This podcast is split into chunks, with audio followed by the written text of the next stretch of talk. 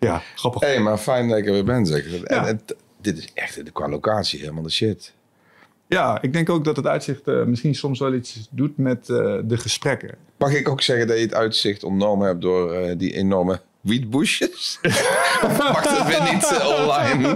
Nee, nee, dat mag eh, zeker online. Ik heb het moestuinieren me hier eh, goed eigen gemaakt.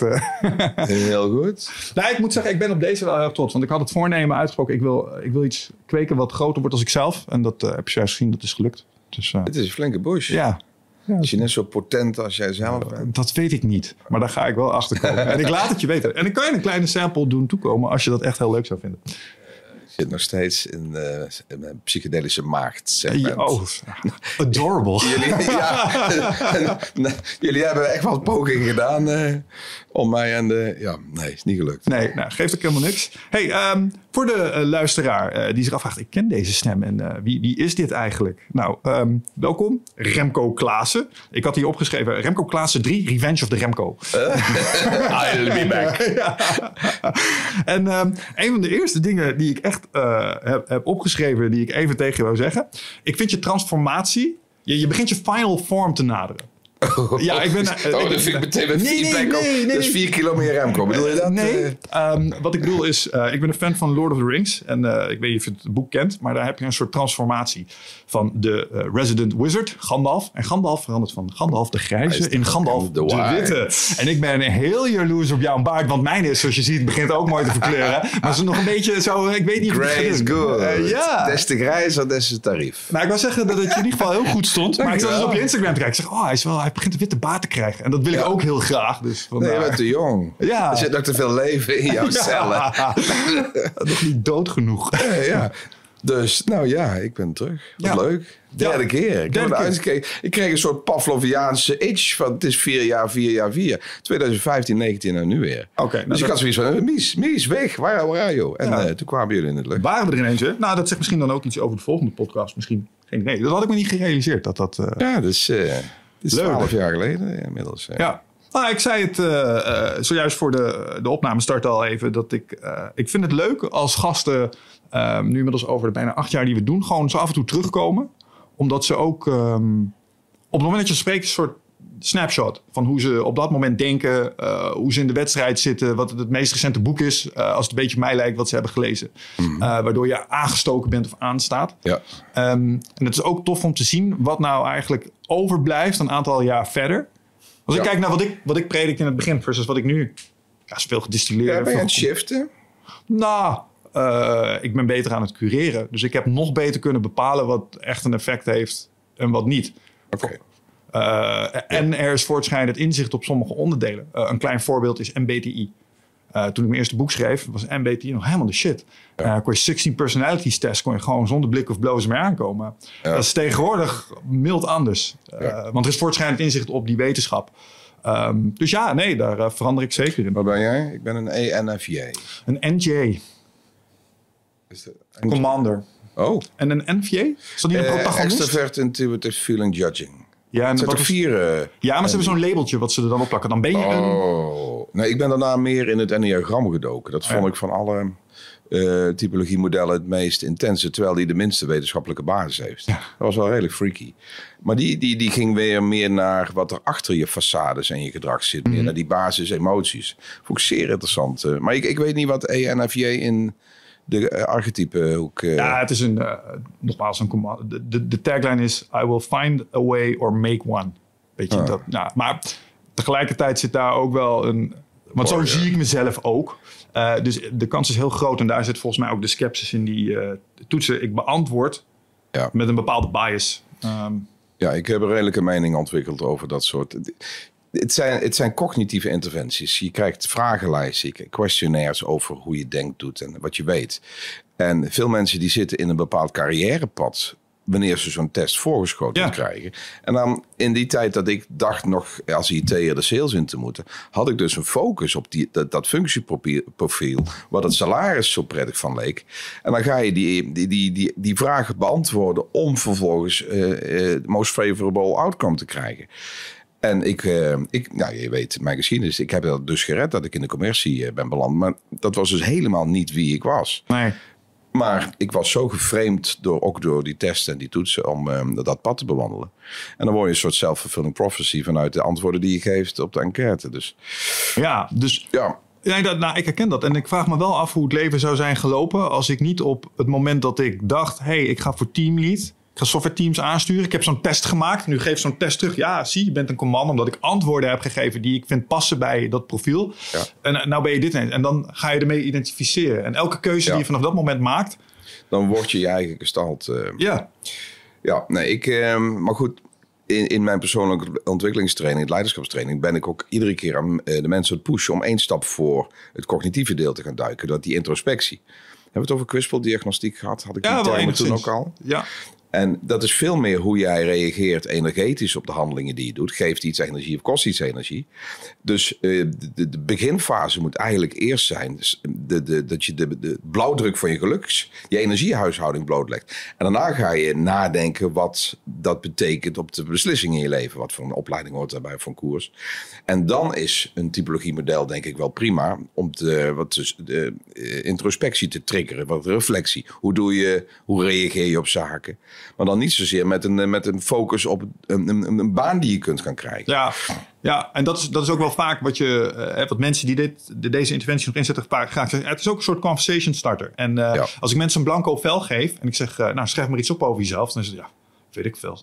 Eh, en als, ze- als je zo'n toetsje hebt gemaakt, dan is oh ja, ja, dit herken ik Ja. wel, dat herken ik wel. Het is een gesprekskapstok. Misschien is dat nog eh, het meest veilig om ze in te zetten. Ja, en dan is de vraag dus inderdaad, maar is dat verstandig gelet op wat het verder... Misschien als je de disclaimer erbij geeft van let op, dit is niet... Snap je wat wij, wat wij inmiddels weten, wat we zojuist omschreven? Misschien als je dat eraan eh, aan toevoegt.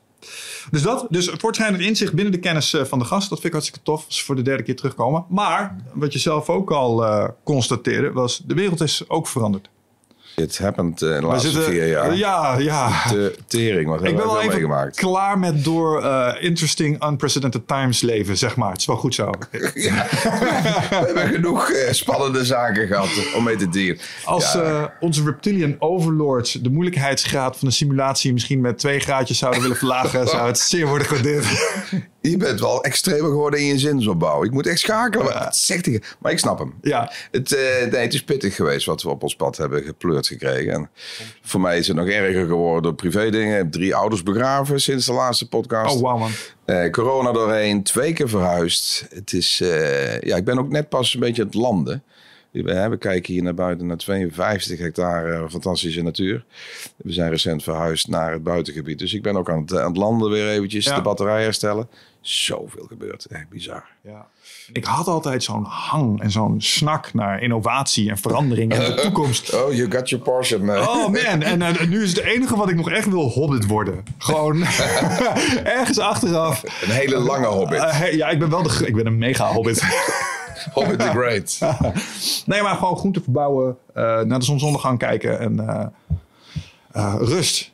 Prijs Ja, en vree. Wat gaan we doen voor de, voor de luisteraars? Jullie Ja. hebben een enorme schare fans. Dus eh, we hebben eh, leiderschap, communicatie, persoonlijke ontwikkeling gedaan in de eerste. Yep. Verbaal meesterschap tweede. Waar gaan we onze fans mee eh Nou, dealen vandaag? Ehm, ik denk de twee onderwerpen die we zojuist al eventjes kort eh, aan hebben geraakt. Ik wil, zou het graag enerzijds met je willen hebben over onderwijs, maar ook het leerproces. Om twee redenen. Ik weet dat jij een uitgesproken mening hebt over hoe onderwijs eruit ziet momenteel. Ehm, ik weet ook dat het een, een onderwerp is waar een boel mensen een heleboel eh, van vinden vanuit allerlei redenen. Vaak heel vaak kritiek. Ik weet niet of dat altijd terecht is. Ehm, daar zou ik graag stil bij staan. Ja. Ik zou graag met je stilstaan bij eh, het stukje overdragen van kennis. Want wat natuurlijk jou heel bijzonder maakt is... Nou, je hebt wel eens gezegd dat als je een hittekaart zou maken van het zaaltje waar jij zeg maar, je training had gegeven. Dat, dat, er is één tegel die is gewoon compleet versleten. Ja. Als iemand figuren heeft gemaakt met mensen dingen leren, dan ben jij het wel. En ik denk dat jij eh, voldoende patroonherkenning hebt om daar wat ant- antwoord te geven op vragen die ik heb. Nice. Ehm, ik, ik ben Dit is al anderhalf uur hoor, dit, wat je nu Oh, makkie. Maar- Geen oh, je hebt ook meer onderwerp. Ja, ja. eh, eh, onderdeel daarvan is trouwens dat ik heel benieuwd ben hoe Vompen technisch werkt. Ik heb de term altijd in mijn hoofd. Ik heb er allerlei Ja. voorstellingen weer iets met billen uit elkaar halen of zo. Oh, veel te visual. eh. Maar nee, dat kan bij jou. Ehm, maar iets wat ik ook niet onbelangrijk vind. ehm, en waar je zelf ook al even van aangaf. Is misschien wel goed om bij stil te staan. Zijn die veranderingen waar je het net over had. Uh, want uh, ik maak content, jij maakt content. Ja. Een van de dingen die ik voel, waar, was spijker op de kop. Humor bijvoorbeeld staat onder druk. Absoluut. Ik durf sommige grapjes niet meer te maken. Nee. Het, is, uh, het lange tenen segment heeft de overhand genomen. Er, de, je moet bijna op elk front op gaan letten. Of het nou ja. voor kleur gaat, ras, religie. We hebben nou die voetbalkus gehad met die, oh ja. die Spaanse dames. Uh, waar ik niks van vind, want dan, uh, ja. wordt het weer gevaarlijk. Ja. Zeg maar eens dat, die, dat, die, dat het, dat het ja. niet zo erg was als ze. Nou, dan ben nou, ik had thuis een discussie. Um, in mijn trainingen uh, raken wij. Um, er komt veel diepgang. Er zijn veel tranen, er is veel lol, maar ook mm. veel uh, ja, dat mensen ontdekkingen doen van, oh, dat doet best pijn. Dus we zijn op een gegeven moment fysiek, iedereen zit te huggen. En ik heb die beelden gezien van die, van die, van die kus van die man. Ik denk, ja, in the heat of the moment, je zit daar, ze houden elkaar vast. Uh, Mariet zei, kijk je uit, gast. Wat, uh, je bent ook spontaan, je bent tactaal, ik moet vasthouden. Hè, we hebben net ook weer ja, een groepsexcessie ja, ja. gehad voordat we begonnen. Uh, het was onder de indruk van zijn uithoudingsvermogen. Ja, ik, ik, kan nog best wat op mijn leeftijd. Maar, het kan backfiren, fysiek enthousiasme. Ja. Nou blijkt die man wel niet echt helemaal te sporen. Want ik heb ook gezien hoe hij zijn pik vasthoudt uh, tijdens een goal. Heb je die, die scène? In dezelfde nee, wedstrijd nee, zit hij nee. een hele uh, Bokito-achtig uh, pakt hij zijn slurfbeet. Ik denk, oké. Okay. Zit jij vaak in je hoofd? neem je heel veel informatie tot je video's, podcast, boeken? nou, voel je niet schuldig, dat doen heel veel mensen natuurlijk. maar vaak zijn we op zoek naar antwoorden. gaan we nog meer informatie tot ons nemen, terwijl ja, de antwoorden liggen toch echt in onszelf. En dat is iets wat we voelen met ons lichaam. Maar vaak zijn we zo erg in ons hoofd bezig ja, dat we dat ook niet meer, dat we daar niet meer echt goed bij kunnen. En dat is graag waar ik je voor uit wil nodigen. Voor Rite of Passage. 24, 25 en 26 mei is er weer een nieuwe editie. Voor mijn retreat voor persoonlijke ontwikkeling. Waarbij het thema echt is om uit het hoofd te komen in dat lichaam. Want dat is waar je alles ervaart. En ik wil dat je gewoon weer in contact komt met, met die, die intuïtie.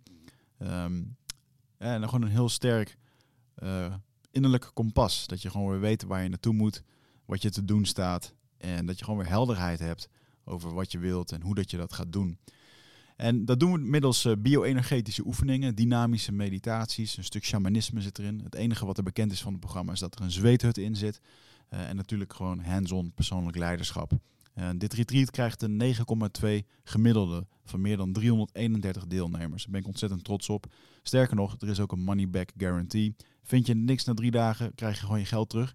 Dus het enige risico dat je loopt, is dat je gelukkiger wordt. Klinkt dit als iets voor jou en durf je het aan? Dan zie ik je op Ride of Passage. Ga naar wichertmeerman.nl en klik op Retreat. Oké, okay, daar zit wat iets te veel testosteron. Ja, ik wou het zeggen. Dus uh, misschien moet je een beetje uitkijken. Maar zo'n kus, ja, dat had ik kunnen doen. En uh, mijn humor ligt uh, altijd tegen het randje aan van wat een beetje schuurt. Maar ik zet het ook strategisch in. De, de, de Hofnar was vroeger de enige die uh, tegen de koning kon schoppen. Ja. Zonder dat zijn hoofd eraf ging. Ja. En als je die positie wegneemt, wordt het eng. En dan moet je nog meer eieren lopen. En het is de meest geciviliseerde vorm van relativering, vind ik humor. Als je pijn kunt raken en je kan het met dopamine en endorfine eh, managen, dan worden de gesprekken makkelijker. Want als je altijd alles maar blijft ontwijken omwille van dat iemand er ergens pijn van kan hebben, dan raken we die dieptes nooit. Ja. Dus ik, wil, ik ben echt een voorvechter voor het vast kunnen houden van, uh, van uh, prikkende, priemende humor. Kijk, het is niet alleen maar dat ik een botte lul ben en mensen probeer uh, pijn te doen. Het is, het, het is embed in een heel zacht bed van, van groei en coaching. En, en, dat we een doelstelling hebben om mooier te worden met jezelf en met het leven. Maar uh, dus, dus het is niet alleen maar pijn doen. Maar het is een geweldige katalysatie voor groei. Als je toch niks meer kan bespreken. Ah ja, en lastig hoor. Ik vind humor de, de de big relative Dus de, ja, nou, het laat je op een bepaalde manier naar dingen kijken. Van, oh ja, je neemt jezelf ook wel weer erg serieus. Uh, en soms moet de gek even met je worden aangestoken. Uh, ik, moet, ik moet ineens denken aan een, uh, een verhaal van Bruce Perry. Dat is een documentairemaker van de BBC. Die hebben we ook in de studio gehad. En die vertelde hoe in sommige native tribes... die zijn heel egalitair. man en vrouw 100% gelijk, maar ook niet echt een leider of zo. En, en ego werd daar, was, niet goed. Dus als je te veel eh, dit kreeg, dan werd je uit de groep gezet. Hij omschreef ook eh, een man bij wie dat gebeurd was. Maar Ja. humor was daar de grote manier om mensen die het een beetje op hun eh, heupen kregen, om die Ja. terug te maken. Weet je, gewoon door een groep vrouwen uitgelachen. Ah! En, en dat moest je mee kunnen dealen. Want ja. Ja. is ook eigenlijk zo, weet je wel. Hoezo heb jij de trots dat ze jou niet de gek aan mogen steken? Wat is dit? Ja. En ik denk dat als dat verloren gaat in de maatschappij, dan gaan mensen. Soms moet je bel even worden doorgeprikt door een grapje. Ik denk, ik heb een heel mooi gesprek gehad. Ja, er zijn zoveel onderwerpen waar ik eh, moeite mee heb gehad. De hele Black Lives Matter, Me Too, LBGQH+, de hele die alfabet mensen. Ehm, ehm, ik heb een eh, geweldig interview gehad met een, eh, trans vrouw, moet ik goed zeggen. Dus het was een man. En, want ik wilde de pijn voelen van de reis. Ja. Je zit in een zak cellen die niet past. What the fuck? En hoe moet je dat doen? Dus overlezen is één ding, maar gewoon met, met de mensen praten. Ik blijf, eh, probeer altijd naast eh, wetenschap ook gewoon de praktijk te voelen Ja. heerlijk gesprek gehad eh, met die persoon. En waar, op een gegeven moment hadden we een mooi kantelpunt. Ehm, we hadden het over dat eh, de alfabetmensen nogal hard bezig zijn om de taal te veranderen. Ik, Ja. ik volg eh, Jordan Peterson. Die heeft toen in Canada eh, is hij dwars voor die wet gaan liggen. Omdat hij gedwongen werd in het klaslokaal hun, hen en bi en binair. Weet ik veel, alle labels te, te- Hij zegt, ik wil dat doen uit respect. En als mensen... Maar ik, ik ga het me niet opleggen. En op een gegeven moment hadden we dus de kantelpunt. We hadden het erover. Stel dat wij een kind hebben samen. Gaan wij dan als ouders zorgen dat er overal stootkussens in de wereld worden geplaatst. En daarvoor de A2, A12 afzetten en eh, toeteren? Of gaan we zorgen dat het kind een stootkussen wordt om de hufters in de wereld aan te kunnen? En wij, wij schakelden beide op dat pad liever een persoon met veel kracht en body en een gezond ego die voor zichzelf kan opkomen. Want de hele wereld ga je niet veranderen. Nee. En dat is een beetje wat mij begint te irriteren, is een groot woord. Maar ik denk dat het een ineffectieve manier is om aandacht te krijgen op een probleem. Ja. En eh, eh, ik, ik onderken het fenomeen waarbij je zegt: hey, als we nou iedereen overal voor gaan beschermen, dan krijg je straks een generatie van mensen die niet meer zo goed tegen hun hoofd stoten kunnen. Ja. En daar heel heftig op reageren. Ja. En ik, ik denk dat dat waar is. Maar aan de andere kant, ik heb ook wel eens een keer een artikel gezien met krantenkoppen van alle generaties, dus vanuit het jaar 1900. En daar staan ook dingen van de jeugd van tegenwoordig wil niet meer werken. Dus ik moet ook heel erg waken dat het niet een generationeel ding is, waarbij ik nu aan het staartje van de maatschappij zit, terugkijk op eh, de, de nieuwe generatie en vind, ja, maar vroeger was alles beter.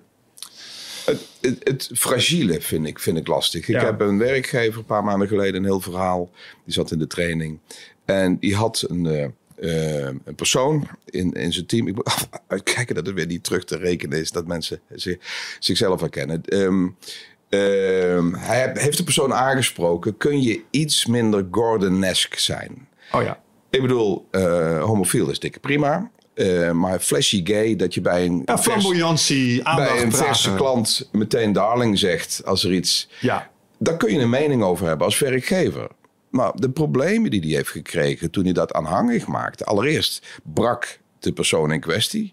Want die was helemaal op zijn ziel en die ging de ziektewet in... en kon niet meer denken en niet meer werken. Nou, een heel gedoe met de UWV en alles erop en eraan. En, hij kreeg op een gegeven moment toch de zwarte piet. Van, hey, listen, je moet die persoon in zijn waarde laten. En als hij hoe, wil zeggen bij nieuwe klanten... Moet je. En ik vind het heel lastig, want je hebt voor jezelf opkomen... en je gelukkig voelen... Maar je hebt ook een context, een kader waarbinnen je, wer- binnen je werkt. En dan mag je je best een beetje conformeren. ja. Want er zitten twee aspecten. Het feit dat die breekt en de ziektewet ingaat. Met één zo'n stukje feedback. Heb ik een mening over. Als ik het heb als eh, mijn vakgebied of leiderschapscoach. Ik heb, ik heb liever dat je dat... Ja, je kan er een mening over hebben. Je mag best nog een keer een traantje laten. Maar daarna recht terug. En kijk hoe je de wereld weer beter ja, maakt. doe je werk. Want er zit werk Aan de bak, Ja, je krijgt salaris nog. Ja, toch? Ik kan niet meer denken, want ik ben op een ident- identiteitsniveau geschaad. Flikker toch. Flikker, sorry. Ik, ik, merk dat ik, eh, als je me dit vertelt, ga ik meteen een beetje nors kijken. Trek ik mijn wenkbrauw omhoog. Denk Kijk, ik, denk ik nou, jongen, hou op. En eh, een goed gedachte-experiment om te doen is, laten we eens de andere kant van het spectrum een scenario afspelen waarbij, eh, oké, hier is dan iemand eh, die, zijn, eh, die flamboyant zijn seksualiteit etaleert. Nou, laten we dan eens een hetero bedenken die flamboyant zijn seksualiteit etaleert. Denk ik aan zo'n typische gym bro. Dus dan kom ik met mijn veel te lage, met mijn gymtop, zeg maar, kom ik bij klanten aan Ja. met mijn packs out, zo. Het eerste wat ik vraag goed. is, hey, do you even lift bro? Weet je wel? Ja. Jezus man, wat is dat? Squat jij wel? Zou je toch nooit aan iemand vragen als je ze net voor de eerste keer ziet? En je wordt er direct op aangesproken. En daarna ben je niet de lul als werkgever. Exact. Dus ehm, ik denk dat er soms, eh, en dat komt natuurlijk omdat met name eh, de, de, de gay community heeft een lange tijd niet het vrije spel gekregen zoals de hetero's het hebben gekregen. Dus daar, daar moet een soort inhaalslag plaatsvinden. Dus ik heb het gevoel dat ze daarom soms iets meer coulance krijgen. Dus het Ehm, is therapeutisch. Eerst het zuur eruit van jarenlang niet gezien worden. En nou gaat het zich herkalibreren in een gezondere... Kijk, en in zo'n geval van zo'n meneer die, die je omschrijft, die dan eh, het niet trekt dat hij wordt aangesproken op zijn Gordiaanse, eh, fantastisch woord trouwens. Ja, ik eh, verzet het Gordiaans, ter iedereen weet ook direct wat dit is. zeg maar. Ik zie Guilty. Ja. en, en- en kijk, het, het is heel makkelijk om te zeggen, ja, doe niet zo fijngevoelig man, hou op. Um, Ja. Aan de andere kant, ik weet niet wat voor een jeugd deze man gehad heeft. En eh, misschien had hij wel een vader die eh, echt zijn Ja, gayness maar compleet niet accepteerde. heeft zijn rugzak aan ik shit. snap het, ik snap het. Ik had iemand met een hele mooie metafoor die mij wel aan het denken heeft gezet. Want eh, als je de, de hele alfabetspectrum bij elkaar pakt, is dat iets van 11, eh, nee, 10,34 procent. Ik hou Movisie in de gaten, is een overheidsgestuurde stichting die ehm, zware dossiers behandelt. Suicidaliteit, maar ook eh, seksualiteit en gender en al die issues. Een heel zuiver eh, instituut die ook de statistiek bijhoudt als je dat vergelijkt, hè, die, die eh, 10, komma weet ik veel procent, dan heb je het hele spectrum. Dus alle letters. Eh blinde en slechtziende is 11,7. Nou, dat is meer. Als die allemaal ineens in de stress raken en ik zeg, gaan zeggen: Ik wil niet meer dat je het woordje zien of beeld hebben of een visie of ja, ja, ja. Dan denkt iedereen, wat de fuck is happening hier? Deal met je stuff. Niet iedereen eh, is hetzelfde. We hebben een normaal... De, de, de zit overal in. Probeer zoveel mogelijk netjes met elkaar om te gaan. En negeer of straf de, de, de kleine percentages niet. Maar maak ze mondig en monfiat en sterk om ermee te dealen. En ik denk dat dat het enige is wat mij vanuit de kennis die ik heb vergaard dwars zit. Ehm, we hebben het in de, de tweede of de, eerste of de tweede podcast gehad over een, een bepaald wat eigenlijk in al mijn trainingen zit. Hè? Mensen willen en kunnen wel veranderen, maar willen niet veranderd worden. De, klein, de minderheid is nu zo hard aan het schreeuwen dat ze willen proberen die 90% te veranderen. Ik ben erg geschrokken van, van Twitter eh gisteren. Ik heb eh, een paar uurtjes, eh, het was te heet, dus ik kon niet buiten zitten. zitten kijken wat ze over XR vonden. Het volk. Dus eh, ze hebben de A12 hadden ze voor Ja, de tweede of de derde keer. Extinction Rebellion. Ja. ja. En ik heb absoluut eh, mijn mening over wat er moet gebeuren met deze planeet. Maar de manier waarop dat nou gedaan wordt, ze hadden een, een hoop gif over zich heen. Ja. En dan denk ik, is dit de modus waar je eh, de aandacht mee moet krijgen? Je doet de verkeerde mensen pijn. Eh, je verliest grond, omdat Ja. mensen zich gaan irriteren. En uiteindelijk de mensen die je wil raken, die zitten tv te kijken, dan lachen ze zich helemaal gek. Want Mhm. die pakken daarna de, de jet weer en eh, ja. Hier heb ik over nagedacht. ja, doe eens. Omdat het antwoord op je vraag is: is dit verstandig? Hangt af van het antwoord op de vraag hoe ernstig je gelooft dat de situatie is. Dan Dus laten we maximaal trekken. Ja, het is of- 5 voor 12. het is, we nou, moeten nu veranderen, anders of het is 1 voor 12. ja, dan vind ik ze mild. Dan- maar wie raken ze met Ja, het nee, afzetten? nee, nee, 100%. Pak dan, ik vind eh, Greenpeace, heb ik door de jaren heen wat, wat meer gevolgd. Die, die pakken het recht bij de pijn aan. Als je Ja. daar voor zo'n walvisvader gaat liggen en die kan zijn visje niet binnentrekken, eh, verliest hij een half miljoen per dag. En dan pak je degene die eh, ook de beslissingen moeten maken. Als je als eh, Greenpeace de A2 dichtlegt, dan ik weet niet of dat werkt als je kiezers wil vergaren. Nee, als je doel is om draagvlak te krijgen binnen de maatschappij. Ja, dan, dan ga je ze niet onderweg naar de dokter of naar het werk, terwijl ze al te laat zijn, daarin hinderen. In de hoop dat ze sympathie krijgen voor, Ja. je, voor je doel. Ehm, dan zou je misschien beter op een industrieterrein, bedrijven die sterk aan het vervuilen zijn, gewoon de poort kunnen blokkeren. eh, en, ze daar eh, lastig vallen. Wellicht. Maar dat je vanuit een soort wanhoop gedreven op een gegeven moment maar iets gaat doen wat lawaai maakt. Omdat je het gevoel hebt dat Ja. het probleem zo onderbelicht is bij iedereen. En iedereen doet maar gewoon zijn ding. En ja, zelfs die burger, iedereen doet gewoon zijn barbecue'tje. Kijk, als het gaat om klimaat. zie ik een boel mensen. En je mag hem op verbeteren als het niet is. Ik heb het vermoeden dat iedereen een sommetje aan het maken is. Namelijk, uh, wat hoe- kost het mij en wat... en, en ga, ik, ga ik het nog meemaken eh, dat ik zeg maar stijg. Ik zit in de Flevopolder hier. Ik mag nooit vergeten waarom Nederland Nederland heet. Ja, ik bedoel, dit was C. Hier stonden een paar Nederlanders die keken ernaar. Dachten, hier ga ik een tulpentuin van maken. Ja. Maar als het de zeespiegel maar genoeg stijgt, dan heb je problemen. Ja. En iedereen maakt het sommetje. Ga ik moeten verhuizen omwille van zeespiegelstijging? Of eh, ga ik in voedselproblemen komen omwille van falende oogsten de komende jaren? Ehm, als ik doorga zoals ik nu doorga. En te veel mensen beantwoorden die vraag nog steeds van... nee, daar ga ik geen last van hebben. Zal mijn tijd wel duren? Ehm, en, en dan kijk ik ook Zolang je de mezelf- consequentie dan niet voelt, word je nooit wakker, bedoel je? Nee, en kijk, eh, heel eerlijk. Zelfs ik kan dit zien. En bij mezelf en er alsnog in falen. Want ik ga je straks aanbieden of je naar de podcast zin hebt in een hamburgertje. En die ga ik dan voor je bakken, snap je? Ehm, dus ik ben ook wel na een beetje naar mijn vlees eten aan het kijken. Maar ook nog niet zoveel als ik zou moeten. Als, als ik hè, de mensen die er verstand van hebben mag geloven over hoeveel impact dat heeft over, op het milieu. Totdat ik laatst zag dat de Atlantische Oceaan de golfstroom of binnen vijf jaar of binnen veertig jaar, Ja. maar in ieder geval nog binnen mijn levensspanne gaat uitvallen. En toen dacht ik, oh, Ik vind het zo lastig. Ik probeer een voorbeeldig burger te zijn op verschillende facetten van het leven. Maar als je dan gaat uitrekenen wat, wat je eigen footprint is. Ik heb die, eh, heb je die Harvard Debate eh, uitzending meegemaakt. Volgens mij was het een journalist en een comedian die allerlei cijfers had vergaard. Het kwam erop neer dat als je Engeland afzinkt, dat dat 0,02% minder eh, effect heeft op wat er aan, met de wereld aan de hand is. oké. Dan denk ik, oké, ik heb nog nooit een kauwgompje uit het raam gegooid. Ik heb nog nooit iets eh, in de zee geduwd. Ja, ik eh, heb een fossiele auto. Wat gebeurt er? Wel een hele mooie trouwens, Oké, zeggen. eh, waggie, hè? Ja, dat is gek. Je hebt meteen de spagaat van mijn ecologische bewustzijn en mijn joy of riding. Ja. Eh, als ik daarmee stop, gebeurt er niks. Dat is mijn gevoel. En dan weeg ik af van eh, egocentrisme versus eh, sociaal en landelijk belang. Ik vind het alleen maar moeilijker worden. Dus, ja, dus misschien willen de kijkers oplossingen horen, maar Ja, ja, ja. ik struggle net zo vandaag, hard. Alleen maar meer ellende hier. Ja. Bevestiging van je eigen leed en twijfel. Maar la- laten we het daar. Hoe, hoe kijk jij er tegenaan? Omdat ik soms. Kijk, ik ben in een grijs verleden ook prepper geweest, snap je? Dus ik heb nogal een dispositie richting eh cataclysmisch denken. Ehm, en daarom denk ik ook eens, oh, ik ga het nog meemaken dat we in een tentenkamp komen. Maar dat is misschien helemaal nergens op gestoeld. Eh, hoe, hoe, hoe ernstig denk je dat het echt is? En hoe realistisch acht je dat we als mens er iets aan kunnen doen? ik verwijs toch het liefst naar de, het kennisdomein wat ik heb vergaard. Ik, vind, ik probeer de mensen te snappen. En greed wins. Follow the money. Als je, eh, er is nog steeds te veel te verdienen aan het eh, naar boven halen van kolen en olie. Eh, als wij al 15 jaar eh, waterstof combustion eh, eh, primair op de focus hadden, had iedereen uit de kraan nou. Allemaal, er is niks mee te verdienen.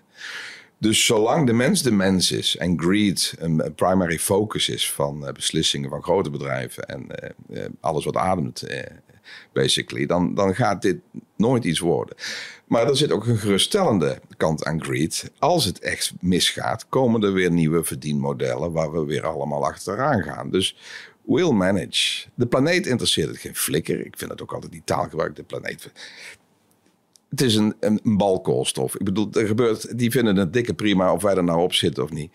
Dus het is voor de mensen en de volgende generatie. Maar ik denk dat eh, de volgende generatie, eh, die gaan hun weg weer vinden. Want er wordt weer ergens aan verdiend. En dan komt er weer een hele stroming aan nieuwe banen, nieuwe opleiding. En dan veren we. Ja, Dus het komt Ja. goed. Ja. Het is een keer op misschien. Ja, nou, dit is ook de counter op mijn, eh, eh, op mijn pessimistische inslag dan. Want tegelijkertijd, ja, podcast best wel vaker gehad. Ik ben een soort techno-optimist. Ik ben in de jaren negentig opgegroeid met Star Trek. Eh, ik, ik geloof dat, dat technologie zo'n beetje alles kan fixen. Ja, wat we aan we'll problemen veroorzaken.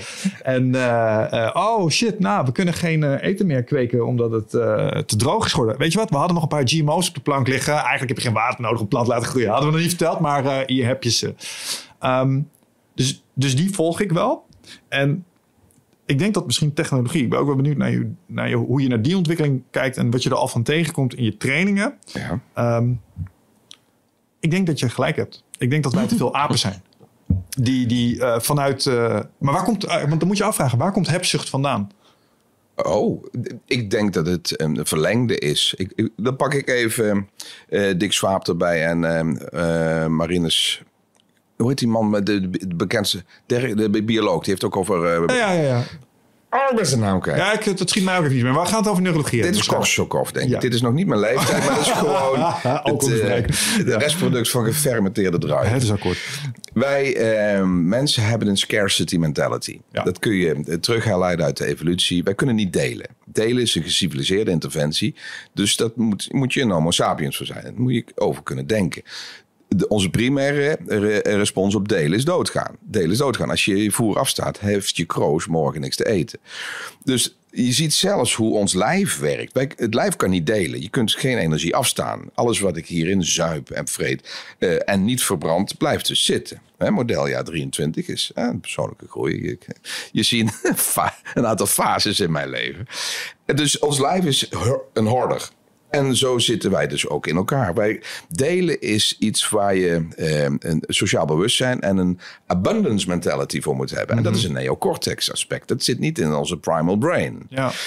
Dus waarom zijn wij greedy? Ja, we, we zorgen voor eten. We willen cumuleren Ja. in dingen hebben. Ja. Want dan weet je zeker dat je niet doodgaat. Ja, nou en hier zit dus de potentiële oplossing. Wat nou als we decision making zouden kunnen wegdelegeren aan iets wat niet is ontstaan onder evolutionaire druk?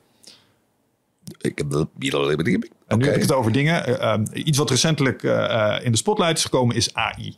Ja, Chat-. ChatGPT bijvoorbeeld. En ehm, De oude IT'er begint weer te borrelen. Het, het is zo nou, leuk hoe wat er hoe allemaal heb jij gebeurt. de entry in de markt van ChatGPT ervaren vanuit je rol als IT'er? Of in ieder geval je, je Vol verwarring, verbazing, maar ook eh kwispel. Ik vond het zo interessant. En de, de, de, de apps vliegen om je oren, want ChatGPT wordt weer ge- ge- gecanceld. En eh, ja, je moet die doen, want daar kun je makkelijkere prompts Bart. van maken. ja, Zo, maar wat hij ook kan, ik had. Ik hoop niet dat ze dit, eh, deze podcast horen. Ik heb binnenkort een vriend die gaat voor de tweede keer het huwelijksbootje in. En Ja. er zit zo'n team aan mensen die dan dat feestje doen. En ze hadden iets leuks bedacht. En we, iedereen moet een recept sturen wat aan hun doet denken. En er maken ze een huwelijkskookboek. Ik denk, what the fuck, ik heb het al druk zat. Het heeft niks te maken met mijn liefde voor die twee mensen. Maar ik, wat de, ik krijg huiswerk waar ik niet om gevraagd ja, had. Ja, het is mensen willen en kunnen wel veranderen. Maar, nou, wat denk ik? Fuck it. AI. Ik zeg dus, gast, eh, jij bent expert in zowel culinair als sociale dynamica. Eh, maak voor mij eh, een eh, viergangen diner in rijmvorm. Waarbij je de liefde en het instituut huwelijk op de meest... Nou, ik had echt een prompt van eh, een kwartiertje en dat ding begint te ratelen. En ik heb er mijn naam onder gezet. En de rozen, fantastisch. Ik denk, chance. als je dan terugkomt van waar ik vandaan kom met, met de, de, weet ik veel, Motorola 38 Ja, man. met twee vijf en een kwart. nee. De tering, wat is er aan de hand? Verder terug, Remco. Jij hebt nog op play gedrukt van een cassettebandje om software aan de praat Nee, te maar, krijgen. motherfucker. en vermoedelijk nog van de radio opgenomen ook. terugspoelen. De Philips P2000. Nee, net een maand voordat ik de HTS eh, betrad, eh, hadden ze de ponskaarten afgeschaft. Ja. Dus ik had nog net niet hoeven perforeren om mijn, eh, mijn eh, software te... Het is wel heel gaaf. Ja, ik zit nog niet zo in dat angstkamp van ze nemen straks alles over. Nee. En Ze gaan ontdekken dat wij alleen maar parasieten zijn en willen ons van de planeet af. Ik heb die angst nog niet, maar het is leuk. Ja. Nou, dat, dat, dat vooral. Eh, en en ehm, nou, dus sowieso die technologische curve waar je het over hebt. Eh, ik ken een concept dat heet de singularity. En dat is eigenlijk gewoon een stapeling van technologie die op een gegeven moment door het dak gaat. En ik heb Ja. altijd gedacht van, ja, klinkt leuk, maar ik, ik kan me er niet zoveel bij voorstellen. We're living it. Toen ik dit zag en toen dacht ik, oh, It's dat ziet, happening. dat ziet er zo uit. En eh, dit is Ja. een opstapje voor iets groters. Hoewel, ik heb hier ook iemand gesproken en eh, die relativeerde het even. Dat was Stefan Leijen, hij is hoogleraar AI. Hij Oh. zegt, eh, er, er wordt nu wel een soort bus gecreëerd. Want iedereen denkt dat dit, en dan komen we terug bij waar we het net over hadden, decision making voor mensen. Ja, oké. Eh, het is nog geen AGI. Dus het is AI. Maar een general intelligence is iets wat echt hetzelfde is als jij en ik. Met een soort van bewustzijn. En die kan over. Kijk, nu krijg je gewoon tekst. En wat jij kan, dat kan dat ding niet. Dus jij kan achter Windows gaan zitten en dan kan je uitpuzzelen hoe dat ding werkt. Als je nog nooit met een Mac hebt gewerkt, neem twee uur de tijd en je snapt redelijk hoe een Mac werkt. Want dat kan jij als mens. Nou, daar kan zo'n AI nog niet helemaal. Maar daar is het wel een optimaal there. naar. Ja. En, en dan komen de doemdenkers om de bocht. Ja, maar dan zit je op een gegeven moment aan iets met, aan tafel. Wat lijkt 1 miljoen keer slimmer is dan jij. Ja, Hoe, sneller. hoe fijn is dat? Ehm, nou, dat weten we niet, maar laten we ervan uitgaan dat het ons goed gezind is. Kunnen geweten programmeren? Heeft die professor eh, daar een mening over gehad? Want wij, je ziet nou dat bepaalde dingen gefilterd wordt. Als je vraagt wat is Ja. de beste manier om 100.000 mensen dood te maken, zegt hij I'm not able to. En dan, Ja, maar dat is menselijke interventie aan de achterkant. ja er zijn gewoon fucking filters. Ja, nee, dat zijn gewichten die worden meegegeven. en hij wordt if damages, indien dood of eh, gif of seks, Ja, dan hou ik mijn mond. Ik Maar gebruik GPT-4 al een tijdje en hij wordt wel gekuist. ja, maar dat is een heel, dat is geen geweten. Nee. Dat is screen op woorden. Ja, en het is op dit moment nog wat ze noemen zo'n stoga- stochastische papegaai. Met dan wordt het een soort statistiek kunstje wat hij doet. Maar het lijkt heel erg op alsof er eh, zeg maar licht aan brain eh, ja. achter zit. Maar daar zijn we nog niet helemaal, begrijp ik. Aan de andere kant, ehm, en dat moest die Stefan Leijen ook onderkennen, is als je kijkt naar wat het doet, ja, het is een soort black box. We don't get it. Weet je, voor mij we proberen toch te blenden naar wat onze doelstelling is vandaag. Onze, onze boekenkast en onze passie vertalen naar de maatschappij. Ik denk dat dit een goed, ehm, ehm, een goed pad is richting ander onderwijs. Content wordt minder belangrijk. Ja. Nu moet je nog op knopjes drukken, wil je kunnen, de Wikipedia kunnen oplepelen. Straks zit het in een chipje. Ze vinden een momentje waar je eh, recht aan je talamis, eh, je database, dan kun je de hele Vaticaan-bibliotheek, eh, Heb je, weet je wat Elon Musk aan het bouwen is? Not yet. Een neural link. Een- een neural link is letterlijk wat je omschrijft. Hij, heeft een, eh, hij is begonnen met de machine die het implementeert. Zo'n operatiemachine. En hij kan nu chips in je hersenstam Amen. basically. En hij doet dit nu in eerste instantie voor mensen met paraplegics. Dus eh, dat je met je brainwaves Je dingen been kunt kan, aansturen. eh. Ja. Maar zijn Nou. volgende stap. Precies. Dan, kom, dan is kennis niet meer hetgeen wat je in de jeugd moet duwen. En dan wordt automatisch het belang groter naar, om mensen te begeleiden naar een pad waar ze het meest gelukkig in zijn. Wat hoort bij jou? Ik heb. ehm, eh, 2000, was, we zaten midden in corona volgens mij. Een geweldig moment met mijn zoon. Die, ehm, die heeft omwille van mijn, eh, de, de monetaire aspecten van mijn eh, zakelijke eh, succes. Ja. Heeft hij een ver- een verkeerd wereldbeeld gekregen. Iets te materialistisch naar mijn zin. Ja. Ehm, Hij heeft het te goed gehad, is wat je zegt. ja, papa spullen heeft hij ook voor genoten. En hij heeft een bepaalde standaard voor zich. Het heeft ook een component low self-esteem gegeven. Dat hij wat ik doe en heb bereikt en heb aan spullen als een soort offset van nou, dat moet ik aan voldoen. Anders houdt papa niet van me. Nou, dat is absoluut niet het geval, maar dat is wel een, een hidden Klopt ook, deed hij sowieso al niet. En dit gaat ook niet helpen. Nee, dat is niet fijn. Nou, we hadden het op een gegeven moment. Ik heb een preek in een van mijn trainingen over als je. ehm, ik, ik zal hem kort door de bocht even herhalen. Als je een oplossing bent voor andermans problemen, heb je je hele leven werk. Als de manier waarop je die oplossingen aandraagt in lijn ligt met je kwispelstaat, heb je je hele leven leuk werk. Dus job satisfaction en job security is een verantwoordelijkheidsgebied van het individu en niet van het systeem, die basis of de regering. Dus. eh, en we kwamen, er zat ook een fles rosé bij hoor, eh, op kwispelgoud die landde in één keer in dat gesprek. Ik zei, joh, Joris, kwispelgoud, zoek iets wat je gratis zou willen doen... en maak het vervolgens zo goed dat anderen er geld voor over hebben. En dan krijg je een soort perpetuum mobile... waar je en dienstbaar waardevol bent naar een omgeving... en jezelf in leven houdt met lol en misschien een paar muntjes. Ja. En mensen die gaan voor geld, daarvoor blijft werk werk. Ben ik absoluut van overtuigd. Mensen die gaan voor een passie, eh, komt het of de hut binnenvliegen... of het maakt ze niet uit. En beide systemen zijn gezond. Ja. Dus als content wat minder relevant wordt in een educatief systeem, kunnen wij onze focus gaan verleggen van hoe zitten die mensen in elkaar? Hoe werken die vezels? Wat geeft energie? Wat kost energie? En dan denk ik dat we de, de jeugd meer dienen in het creëren van een platform waar je happiness en contribution gaat delen. Want dat is het spel. In hoeverre heb je naar je zin en in hoeverre ben je waardevol voor anderen?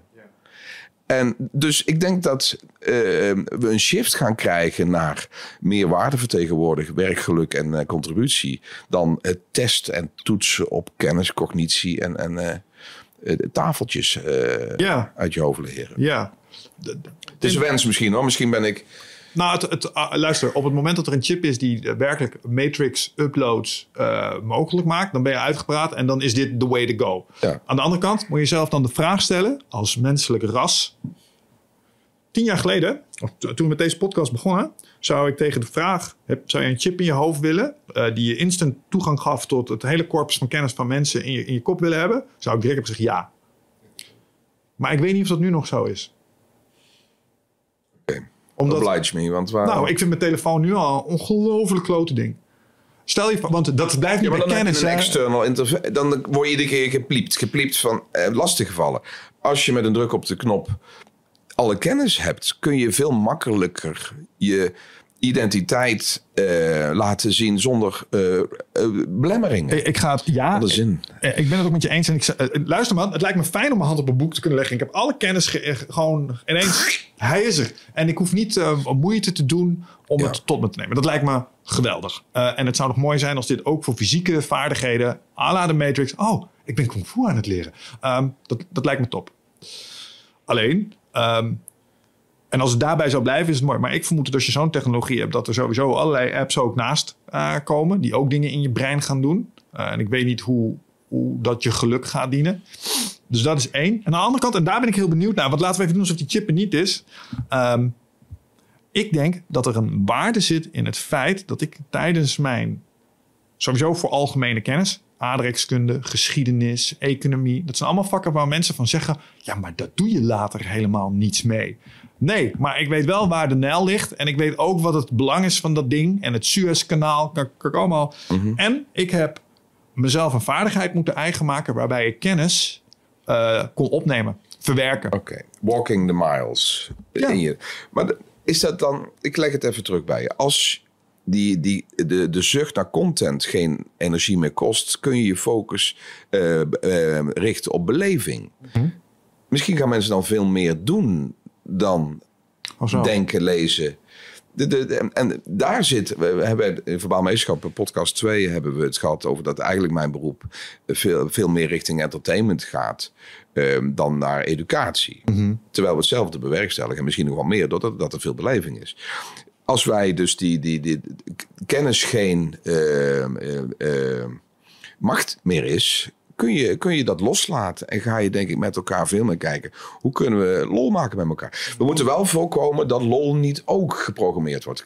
Ik, het, schrikbeeld wat ik heb, daar heb ik het, had ik het met Joris ook over. We, zijn redelijk filosofisch op, eh, eh, met, met elkaar. Eh Wally, de film, dan zie je op een gegeven moment die mensen alleen maar in zo'n floating Ja. device en eh, eten. Alles was dopamine en euforie. En, Geen frictie. ja, ik denk niet dat dat goed is. Ik wil het, het, het, de euforie van het beklimmen van een berg eh, wil ik niet geïmplanteerd hebben. Dan wil ik ook die meters lopen en die schaafwonden voelen. Ja. Dus, maar goed, dat is wat ik zeg. Laten we meer naar beleving gaan als inhoud minder eh, belangrijk wordt of Ja. moeilijk verkrijgbaar. Ja, oké. Ehm, en, en zou onder beleving dan in dit geval ook vallen? Bijvoorbeeld, kijk, want ik heb een aantal van die eh, situaties met betrekking tot kennis... waarvan ik denk, ja, het is leuk dat het op Google beschikbaar is... maar je hebt er geen reet aan als je het niet in je, in je lange termijn geheugen hebt gehouden. Ik neem een voorbeeld, Braziliaans Jiu-Jitsu. Dat is schaken met je lichaam. Iemand zet een armklem in. Ik weet dat hier een counter op is, maar ik heb hem niet paraat. Nou, nou verlies ik. Ehm, dus het zou nuttig zijn geweest als ik die kennis van tevoren, zeg maar, eh, mijn eigen had gemaakt. Eh, zou je dat ook zien als een stuk beleving? Dus gewoon het trainen van die technieken en dat soort dingen. Want daar zit ook een stukje content in. En wat ik probeer te, te- te duidelijk te maken is dat sommige content wel degelijk eh, op die manier geïnternaliseerd moet worden. Als er geen chip is die het kan. En dat dat proces misschien niet altijd even prettig voelt, maar dat dat niet belangrijk moet zijn. Want anders krijg je allemaal van die mensen die nergens tegen een stootje kunnen. Terug naar het begin van je verhaal. Dat spanningsveld. Ik, eh, mijn kennis houdt hierop. Ik heb geen idee. Ik, Wat is je intuïtie? Ik denk dat mensen blijven streven naar het vinden van geluksmomenten Ja. met elkaar. Ja. Ik geloof nog steeds dat we sociale dieren zijn. Ehm, dus stel dat we niet in de klaslokaal hoeven te zitten te luisteren naar iemand die in veel gevallen het zelf ook niet meer leuk vindt om het te doen en daar je dag aan te fikken. En je kunt met elkaar, met de kennis die je al hebt, iets moois bouwen of iets verbeteren of iets bereiken. Kijk, op het sterfbed heeft no- nooit iemand ehm, de, de trots uitgesproken van alle kennis die hij heeft gehad. Dan gaat het toch weer over de momenten met zijn gezin. Ja. Of met, met, een, met, met zijn huisdieren, met zijn partner. En ik denk als wij mensen eerder kunnen begeleiden in hoe maak je kwalitatief... eh, hoe maak je geluk kwalitatief? Wat is de kwaliteit van geluk? Ehm, dan, ik denk dat de red race verdwijnt op een gegeven moment. Ehm, het is te filosofisch. Ik heb daar te weinig kennis over om. ehm, Nee, maar je raakt hier wel eens, je raakt hier wel snaar. Omdat ik ben heel gevoelig voor eh, de sterfbed eh, vergelijking. Zo van, want dat is de grote filter. Ja. Want want als je daarvoor staat, dan dat maakt ineens alles relatief ten opzichte van elkaar. Want net wat jij zegt, ik denk niet dat iemand ooit op zijn sterfbed ligt te balen van het feit dat hij niet bij dat ene teamoverleg geweest is destijds. Ehm, Dus dat is een great equalizer. Dus ehm, het is gokken nog. Eh, op dit moment heb ik er baat bij en lol in. Het verandert mijn beroep overigens eh, nog niet. Want mijn trainingen waren al minder content dominant en meer belevingsgericht.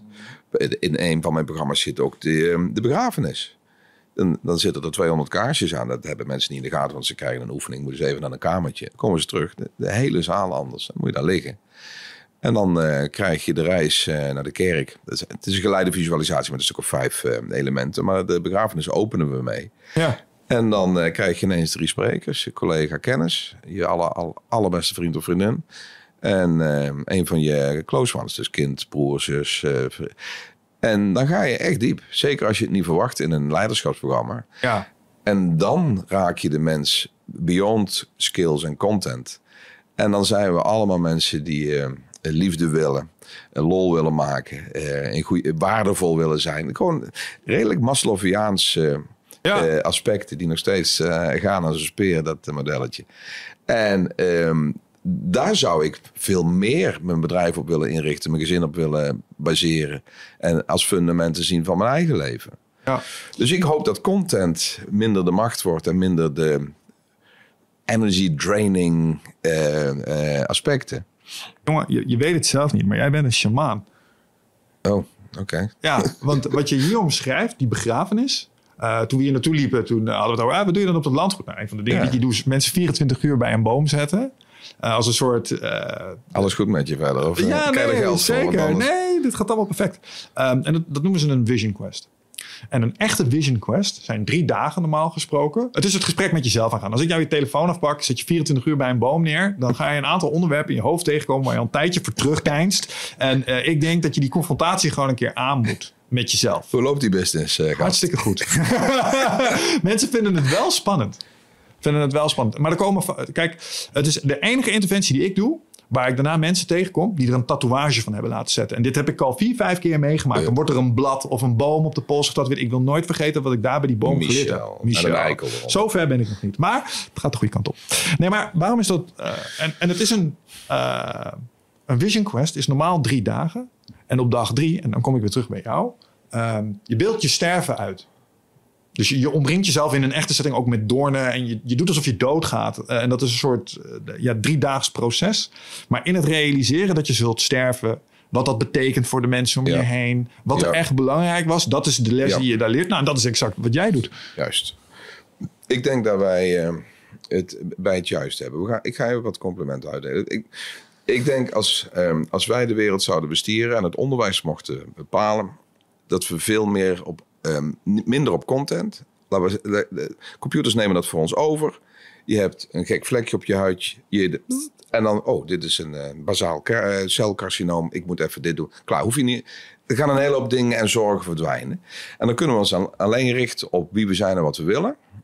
Eh, voorbij aan gedragslagen en valse profeten. Ik heb een enorme mening gekregen sinds de laatste podcast over TikTok en Insta. Ik, ik zit Oh. vol op TikTok.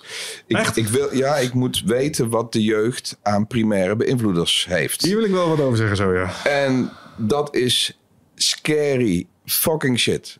Excuseer helemaal. eh, eh, eh, Mensen die, die, die non-stop nieuwe Lamborghinis laten zien. Ik heb me een beetje eh, Six, Six Nine. is een of andere ratje uit Amerika, een rapper. Miljoenen volgers. En de jeugd... Dat met al die fijne gezichtstatoeages. Ja, toch? die is helemaal kapot getatoeëerd. En de crimineel hij is net weer uit de gevangenis omdat hij iets te groot geweer had en eh, te veel poeder in zijn neus. En, maar er zijn zoveel kinderen die daarnaar kijken en die denken dat.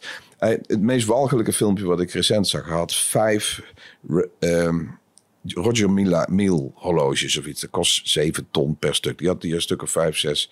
En zei, This is a house, this is a house, this is a house Ja. Dan zit hij daar te, te, te galbakken met zijn vermogen. En dat is dus stoer. Dat, oh, bling. En wat, wat, die jeugd vragen op, op straat wie Stephen Covey is. Is hè, een van mijn oude helden. Dan krijg je tumbleweed en krekels. En vraag, Ja. die hebben miljoenen volgers. Ik heb meer dan een kwart eeuw gewerkt om te proberen mijn boekenkast eh, toegankelijk te maken aan het volk.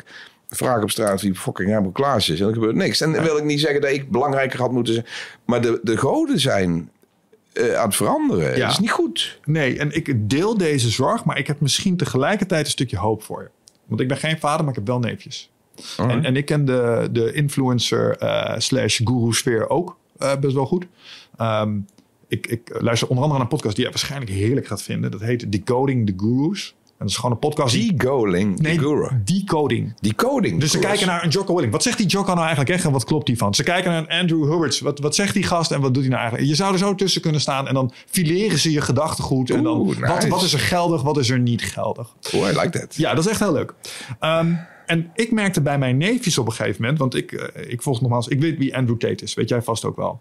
Is niet zo'n fijne vent. Nee, die, die die heeft, een eh, bepaalde spiel. Wat bijhobby's. Ja, maar die heeft ook een bepaalde spiel waarbij hij een beetje Jordan Peterske dingen zegt. Maar ondertussen zegt hij ook ontzettend vrouwenonvriendelijke shit. En heeft hij daar bepaalde woorden. eh, high value male. Je bent een high value male. En eh, als een vrouw jou echt waardeert als man, dan gaat ze niet uit.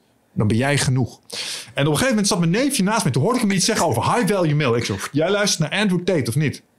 Hij zo, ja. Ik zo, oké, we gaan even een paar dingen relativeren hier. Ik wil dat je een paar, dingen snapt. Kom eens met Maar- papa. ja, en, en toen verraste hij me dus aangenaam. Hij zei, nee maar, oh Michel, dat kan ik allemaal prima relativeren. En ik zie, hij leent een boel van Jordan Peterson, want dat volgt hij ook. Uh, maar ja, dat komt eigenlijk ook gewoon uit Napoleon Hill. En toen dacht ik, jij leest Napoleon Hill? Dit komt wel goed. Ik Dat- ben heel blij voor je, maar hoeveel van dat soort kaliber neefjes zijn er? eh, Ja, ik weet niet. Ik hoop dat, Dat- ik er iets te maken mee heb gehad ergens, maar... ik weet zeker dat er is de, de besmetting. Mijn kinderen zijn helemaal verfukt door mijn passie. Maar het heeft ze eh, indirect ontzettend gevormd. Mijn oudste is recent wel naar mijn zwaarste programma geweest, met 3,5 dagen. Dat was voor mij super eh, trots en emotioneel. We hebben het tot de laatste eh, blok eh, verzwegen. Want ik Echt? wilde dat zij niet de, de dochter van. Dus dat was ook heel leuk toen we de openbaring deden. En, maar daar zit zoveel en ik ben daar zo blij mee dat door per ongeluk mijn hobby, zij die mensen zijn gaan lezen. Die kennen de Brené Browns en die kennen de Jordan Peters en de Sam Harris en Christopher Hitching. eh, Ik kan hem nog niet eens uitspreken.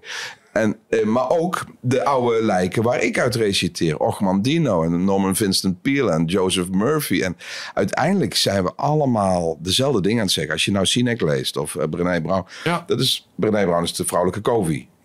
En ook Covey heeft alles gejat. Dus, dus als we dat soort dingen meer... Maar dat is de- de- TikTok. Als je iets te lang kijkt naar een Chinees die de hele kaart bestelt en vervolgens opeet. Krijg is je- dat wat je krijgt? Dat gaat heel snel. Ik ben zo geschrokken van de, de algoritmes van TikTok. Echt bizar, binnen 20 minuten word je ontleed. En blijf ze, ze die aandacht claimen. Als je mijn TikTok history file bekijkt, zie je alleen maar eh, recepten en eh koks. En, Ja. en dan Jordan Peters maken. Ja, ja, ja. ja. Al die goeroes en ze nu dan een auto en iemand die iets breekt. Eh, maar eh, dat, dat is dus het ding. Als je het per ongeluk eh, die, die afslagen en je krijgt zo'n self-fulfilling prophecy. Ja, de, visie op, op de wereld is zo beperkt dan ineens. TikTok doet het, maar bijvoorbeeld, eh, ik zit niet op TikTok, doe ik bewust. Maar eigenlijk heb ik iets soortgelijks uh, corrumperends. Dat is Reddit en 9gag. Daar zitten, dat zijn ook soort user-generated platforms. Maar er zit hetzelfde algoritme achter. Want als ik, daar heb ik laatst mezelf weer een rabbit hole in laten trekken. dacht ik, oh, ik zal eens even kijken hoe het ervoor staat eh, met eh, UFO's. Voor vroeger altijd baby. heb je één of twee van die Reddits aangeklikt. Vervolgens krijg je alleen maar van die shit. En het ding is, dan ga je zitten lezen. En op een gegeven moment merk je, het kleurt je gedachten weer, weet je wel. Dan ben je ermee bezig. En dan denk je, oh, het zal toch niet. Zit je ineens druk te maken over, oh, er zou toch niet iets, eh, echt iets zijn wat ons oogst voor onze zielsenergie of zo. weet je wel. Dan denk je, tijd om dat weer even uit te zetten. ik wist niet dat jij zo fatalist... Ik, ik, ik hoop op alien intervention. Het lijkt me ja. geweldig. Ik hoop dat ik oud genoeg... We zijn nou die UAP-files aan het openen. Ja. Wat ik ook een fantastische, en bijna een enigma vind. Van hoe lang is dat zo? Ik denk dat ze dat hebben willen verbergen. Omdat het, omdat het volk anders te veel in de war is. Al die... Ja, het staat niet sterker als, als sterkste 4 miljard gelovigen die dan ineens... Hé, hey, dit staat niet in mijn Koran en in mijn Bijbeltje. Wat? Ja, ik denk daar twee dingen over. Want ik volg dat ook. Ik vind UP's fantastisch. Ik vind die grunge, eh, eh, zeg maar, congressional hearing van dus twee weken geleden. Ja. Ja, daar komen, Minuut deze, minuut daar komen deze ideeën vandaan. Want, eh, want als je dan de scene ingaat en je kijkt wat die Corfield en zo allemaal zeggen die daarachter zitten. Ja, die zitten allemaal in deze hoek, hè. Prison Planet denken en zo. En het, ze zijn hier al millennia. En er zijn inderdaad deals gemaakt. Ja, ik wil niet, met, ik wil niet die enge Die kant paarden uitdenken. gaan iets te ver. Ja, exact. Maar we hebben eh, alien material en ook biologisch. eh, en waarom is dat? Eh, er komt een moment dat we het gewoon horen. En dan hebben die gasten, die zijn duizenden lichtjaren voor op ons. En die Ja. hebben een, een USB-stickje van de laatste 4,5 miljard jaar. En dan kunnen we in één keer al die façades van de tafel. Oké, dit is hoe het was. En eh, 600 na Christus kwam die, die man niet van den berg. En met zijn Ja, wil je de kruisiging zien? We hebben hem op tape, weet je wel. Ja. en hij was dood. Ja. En hij bleef dood. Maar dan kunnen we ook, want ik denk dat geloof meer kapot heeft gemaakt dan goed. Ik, ik, ik vind geloven mooi, de mythische verhalen, maar Ja, daar ja. zit allemaal lessen in. De- Als je het over een shamanen hebt, elke duizend jaar zijn er een hele hoop van die mensen geweest die goede kennis hebben gedeeld. Ja. Maar ehm, eh, het is. Ik, nou ben ik mijn zin kwijt. want, ehm, als we dat allemaal wegdoen, de, de- we moeten het waarde normensysteem behouden. Maar dan wordt het. Ja, dat wil ik zeggen. Geloof is mooi, maar totdat er gelovigen zijn. De mens ver- verfukt Ja. het weer. Ja, ja. En, en op een of andere manier, en dat vond ik ook zo mooi aan ehm, eh, Richard Dawkins en Christopher Hitchens, nou kan ik hem goed uitspreken, die eh, het idee eh, weerlegde dat waar de normenbesef alleen maar vanuit geloof kan ontstaan. Dat is, dat is onzin. Nee, De weldenkende ik, ja. mens kan goed voor zichzelf en voor zijn medemens zorgen. Maar het feit dat wij AB-denkend zijn, in, in die- zelfs binnen de, eh, eh, de moslimgemeenschap, ik heb hem wat ingelezen op die Shiiten en die Soenieten, hoe dat allemaal is ontstaan. Het is terug te herleiden naar wie had de macht nadat Mohammed doodging. Was Ja. dat Aisha of was dat de neef van... En, en dan in één keer heb je mensen met een mening en een ego. Dan gaan ze elkaar vermoorden. ja. Maar Wat, dus, dus de mens kan niet zo. Dus ik ben niet tegen religie, want dat zijn gewoon mythische. Dus educatie. Doorvertellen van. Waar jij niet wilt dat je geschiet, zit niet aan je bureaustiet. Dat is mijn fiets, daar moet je vanaf blijven. Ste- steek de boel niet in de fik. Dat, en dat staat ook in Harry Potter. Ja. Dus als de aliens komen en we kunnen in één keer al die façades wegnemen, kunnen we vanuit het mens zijn kijken, oké, hoe gaan we met elkaar om? Hoe maken we de komende eh, duizend jaar eh, dat het, eh, dat die bal herstelt? En dan wordt het volgens mij makkelijker. Want het is, heeft alleen maar verdeling gegeven in essentie. Ja. Dit kan wel eens mijn laatste podcast Nee zijn. hoor, nee, want ik denk, eh, kijk, het aliens wel of niet is sowieso een interessant gedachte-experiment voor ons als, eh, zeg maar, bewuste entiteiten die een beetje omheen kijken. Rare situatie, je zit op zo'n steen in de ruimte, hoe, Ja. hoe zit het precies? En als er blijkt dat er iets anders is naast ons wat evenredig intelligent zou kunnen zijn, zou ik een geruststelling vinden, ergens. Omdat het engste idee is, is als we helemaal alleen zouden zijn in dit grote universum. Dat je daar alleen aan denkt is sowieso. Dat het, we zijn niet alleen. Nee, Drake's formule. Ik bedoel, als je alle sterren bij elkaar optelt en je kijkt naar de planeten die aardachtig zouden zijn, Goldilocks zones. Het is zo naïef en ook arrogant dat je denkt dat alles om deze knikker draait. Maar goed, het, het wordt wel mooier, denk ik dan. Dus ik hoop echt dat ik het nog meemaak. Ja, En dan eh, kunnen we in één keer een leap maken aan groei. En eh, wie weet wordt dan ook de, de, de money drive anders. Als we leren hoe je op een andere manier energie kunt, eh, kunt voor reizen. hoe ja, je- ja, ja. Eh, Dan, dan gaan we misschien die ballen, dat balletje niet zo uitputten. Maar als we naar gratis energie kunnen, wat die technologieën suggereren, ja, dat verandert ons he- hele economische model. Nou, dat is, ik, ik ben ook niet helemaal. Ik weet niet wat er gebeurt als ook ehm, als wij nog later doodgaan. Of dat dan weer goed is. Want we zullen dan medisch ook een flinke stap gaan maken. En ik weet niet of dat balletje dat aan kan als we ook nog eens 200 gaan worden. Met, eh, Eens. Ehm, maar dus ik- het is niet alleen goed nieuws, denk ik. eh. Nee, maar toevallig wel een van die singularity dingen waarvan ik... eh, kijk, ik zie een boel gebeuren waarvan ik denk, oeh, spannend. Maar ik zie ook een boel dingen waarvan zie je wel, ze hadden gewoon gelijk. Er zijn nu medische cocktails die ouder worden niet alleen vertragen, maar Terugbrengen. terugdraaien. Terug- terugdraaien. terugdraaien. En ik denk dat als die technologie, ik denk dat dat altijd gaat zoals boobjobs. Dus het is nieuw, het is nieuw. Dan gaat het eerst naar, naar- dan gaat het eerst naar Hollywood. Ja, en dan, daar wordt het dan een soort van gemeengoed. En dan ziet de rest dat. Dus eerst gaat Tom Cruise deze cocktails nemen. En dan denk je, oh, dat wil ik ook. En dan op een gegeven moment, oh, hij leeft al, uh, moet je kijken hoe oud hij is. En dan gaan mensen dat ook doen. Maar ik denk dat zodra jij een levensspanne krijgt, gegarandeerd van 200, ehm, dat er ook iets gaat veranderen in de maatschappij.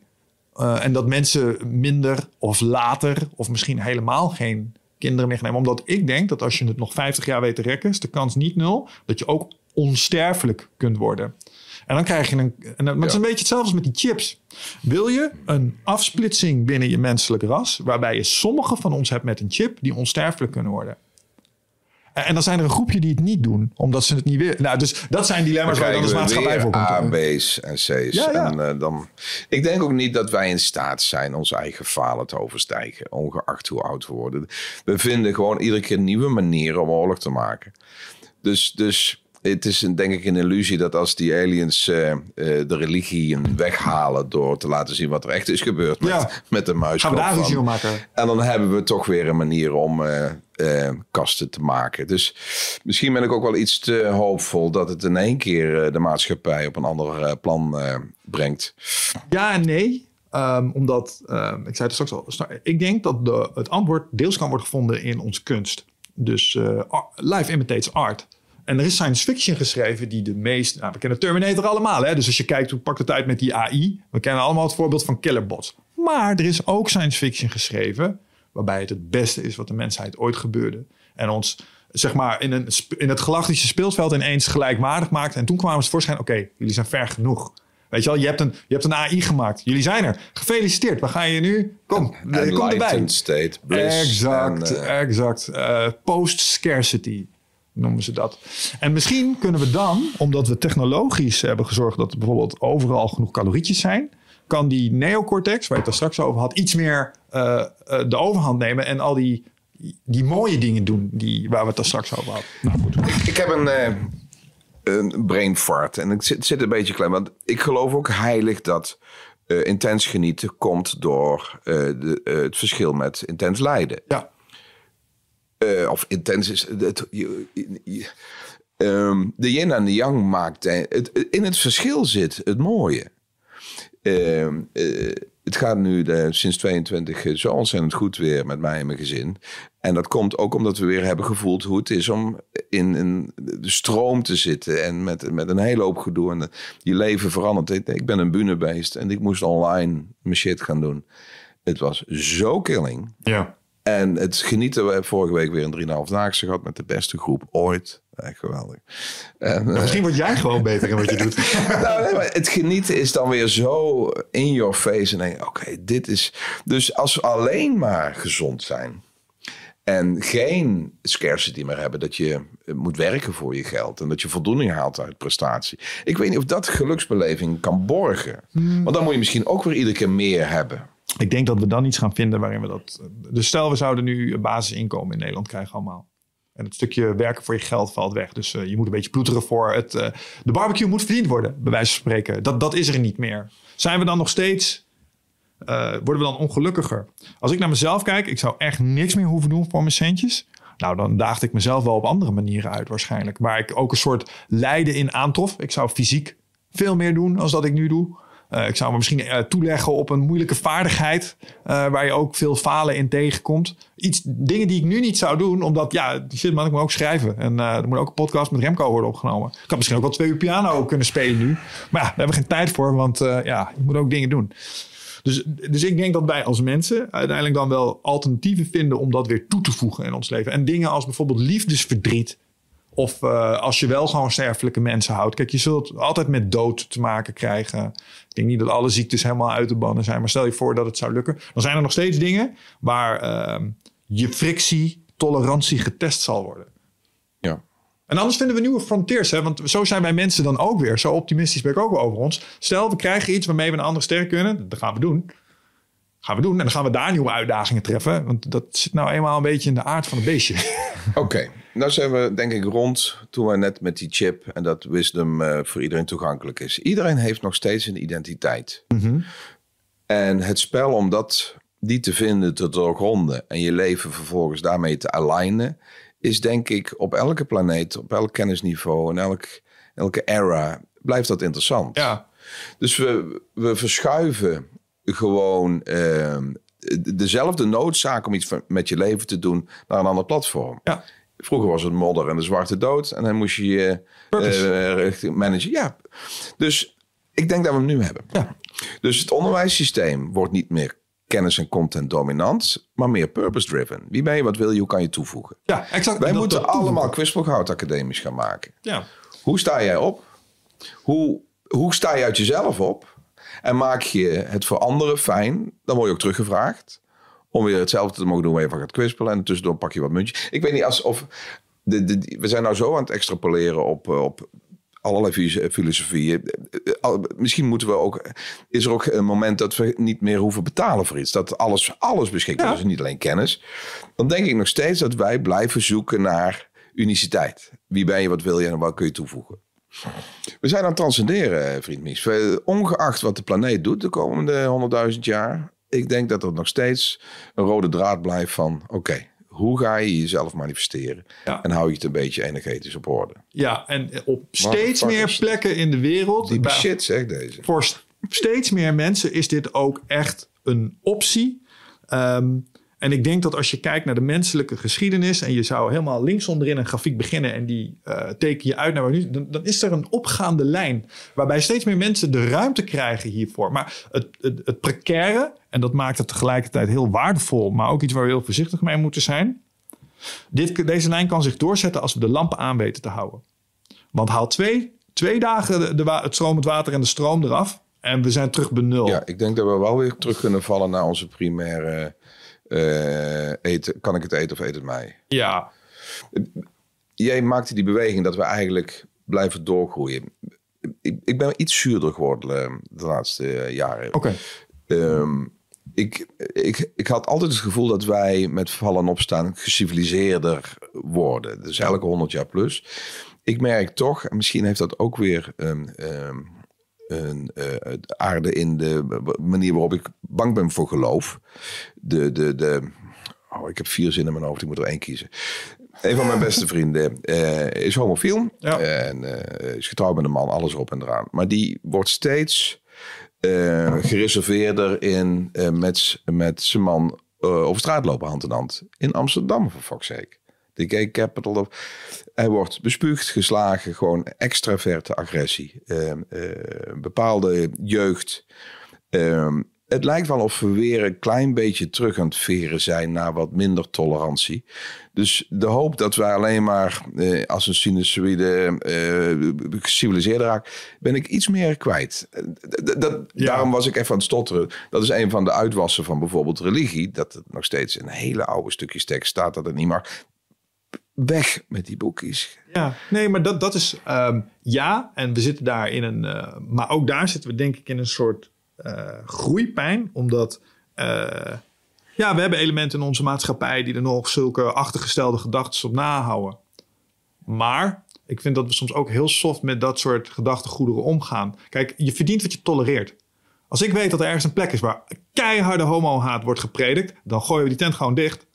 Gewoon eh, niet van, oh ja, maar ze hebben ook recht op hun. Nee, nee, want dit, kijk, ik moet nu denken aan iets ehm, over de vrijheid van meningsuiting en culturele eh, verrijking. Eh, toen de Britten naar India gingen, toen was er een gebruik waarbij vrouwen levend werden meeverbrand met de man. Spannend. Ja, Ehm, nou prima, je mag je gebruik hebben hier, geen probleem. In Engeland hebben wij een gebruik, namelijk dat mensen die we dat doen, die hangen we op. Die hangen we op. Ja, Dat dus eh, prima, gebruik. weet je wel. Dus met andere woorden, stop hiermee, want anders krijg je ernstige Ja. problemen met ons. Ehm, dus, het- dus je verdient wat je, wat je Deze tolereert. raakt mij wel. Ik, eh, we, krijgen natuurlijk weer verkiezingen in november. Ik moet weer aan de bak om eh, nog eens te kijken waar ik precies zit. Ik, ben altijd blauw opgevoed, dus ik heb mijn hele leven VVD gestemd. En de helft van mijn leven wist ik niet waarom. Mijn, va- mijn vader, eerlijk van je, ja. mijn vader kreeg een zichtbare hartverzakking als Marcel van Dam op tv was. Of Joop de Nel. Dus dan zie je je pa in- bijna een achterval krijgen.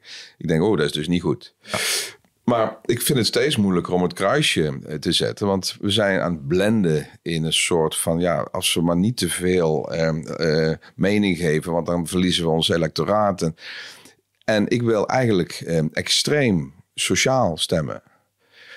Dus eh, ik ben denk ik een sociaal-liberaal. Ik geloof in uh, vrijheden van meningsuiting. Ik geloof in, in, in, marktwerking. Maar ik wil ook vangnetten hebben voor kansarmen. Ja. Dus, hè, maar daar wil ik ook heel hard op zijn. Dus bijvoorbeeld de hele immigratieproblematiek.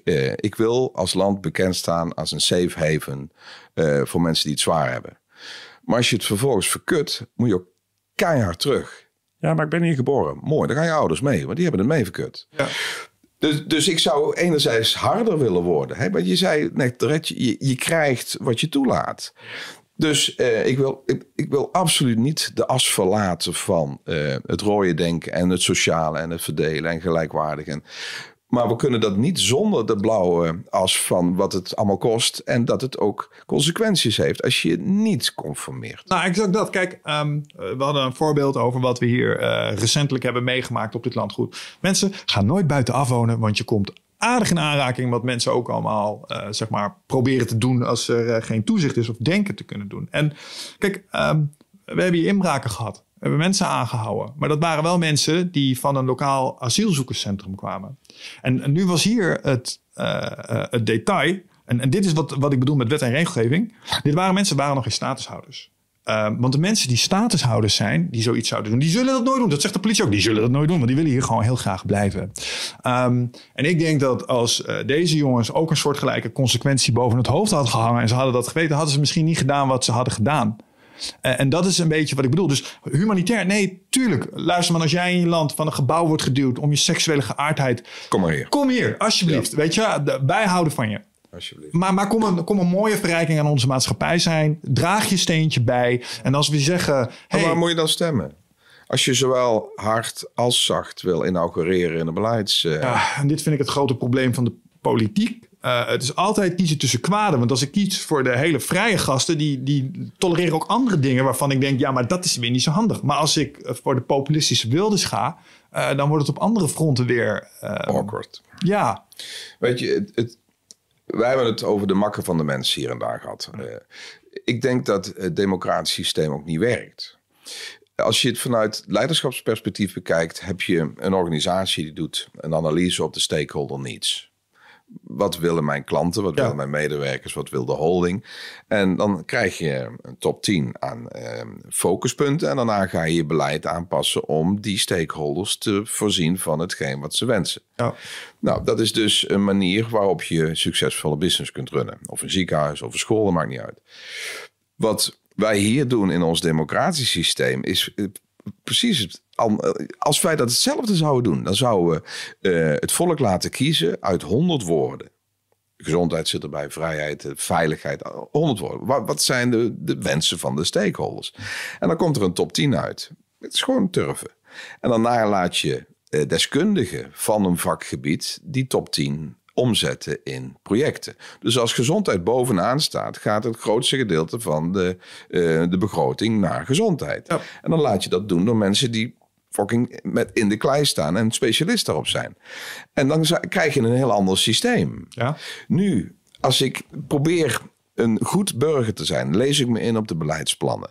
Daarna komt er een, iets uit, dat, daar stem ik op. Nou, die kunnen niet alleen regeren, dus die moeten met vier of vijf satellieten uh, iets samen maken. Dan gaan ze een regeerakkoord bij elkaar uh, verzinnen. Nou, die drol die zie je dan. En dan denk je, heb ik daar heb ik daarop gezet. Ja. Waar? En, en, en, daarna krijg je mensen die projecten runnen binnen een, een, budget. Eh. Met een bepaalde kleuring ook nog, die ze dan daar lekker in kwijt kunnen. Vind je het gek dat het niet werkt? En dat mensen het vertrouwen erin verliezen. De, en ik moet dan altijd denken aan de, aan de toespraak The Great Dictator. Ja, um, Chaplin. Uh, ja, niet vergeten. We the people. Dus waar je naar kijkt, dat zijn wij. Hè? Dat zou een vertegenwoordiging van ons moeten zijn. Ja. Alleen hij is ook geboren uit, en eh, hier ben ik wel redelijk stellig in, uh, omdat ik, want ik ken hem een soort luiheid van de burger. Zo, ah, dat regelen ze daar in Den Haag wel. Bij wij stemmen. Nu is onze plicht gedaan. Uh, jullie moeten het oplossen nu. Succes ermee. Uh, een nul betrokkenheid verder erbij. En uh, komen we terug op technologie en wat het erin kan doen. Want ik heb het hier met een paar mensen wel eens over gehad. Ik denk dat we misschien naar e-governance moeten. Dus uh, ja, jij moet jezelf verdiepen in je regionale uh, te nemen besluiten. Ik heb er zelfs over nagedacht hoe, over hoe je dat kunt verdelen. Want als jij dat elke week moet doen, dan ben je er op een gegeven moment ook wel klaar mee. Met je betrokkenheid bij eh, de staat. Ja. Eh, jury duty-achtige constructies. Eens in zoveel tijd moet je gewoon verdiepen in een onderwerp en moet je je stem erover uitlaten. En wat politieke partijen dan nog doen, is niet het beleid bepalen. Nee, die geven de mogelijke opties wat we gaan doen binnen gezondheid. Want die stond bovenaan. Wij van de VVD denken dat dat er zo uitziet. Of eruit zou moeten zien. En je mag nu kiezen. En wij, ze geven alleen nog informatie die jij tot je kunt nemen. Eh, eh, en op basis daarvan mag jij je keuze maken. Nou, Zo, zoiets. Dat is al beter. En, en wat je dan terugkrijgt, alleen ja, daar zijn natuurlijk ook kanttekeningen bij te plaatsen, is het eigenlijk burgerschap.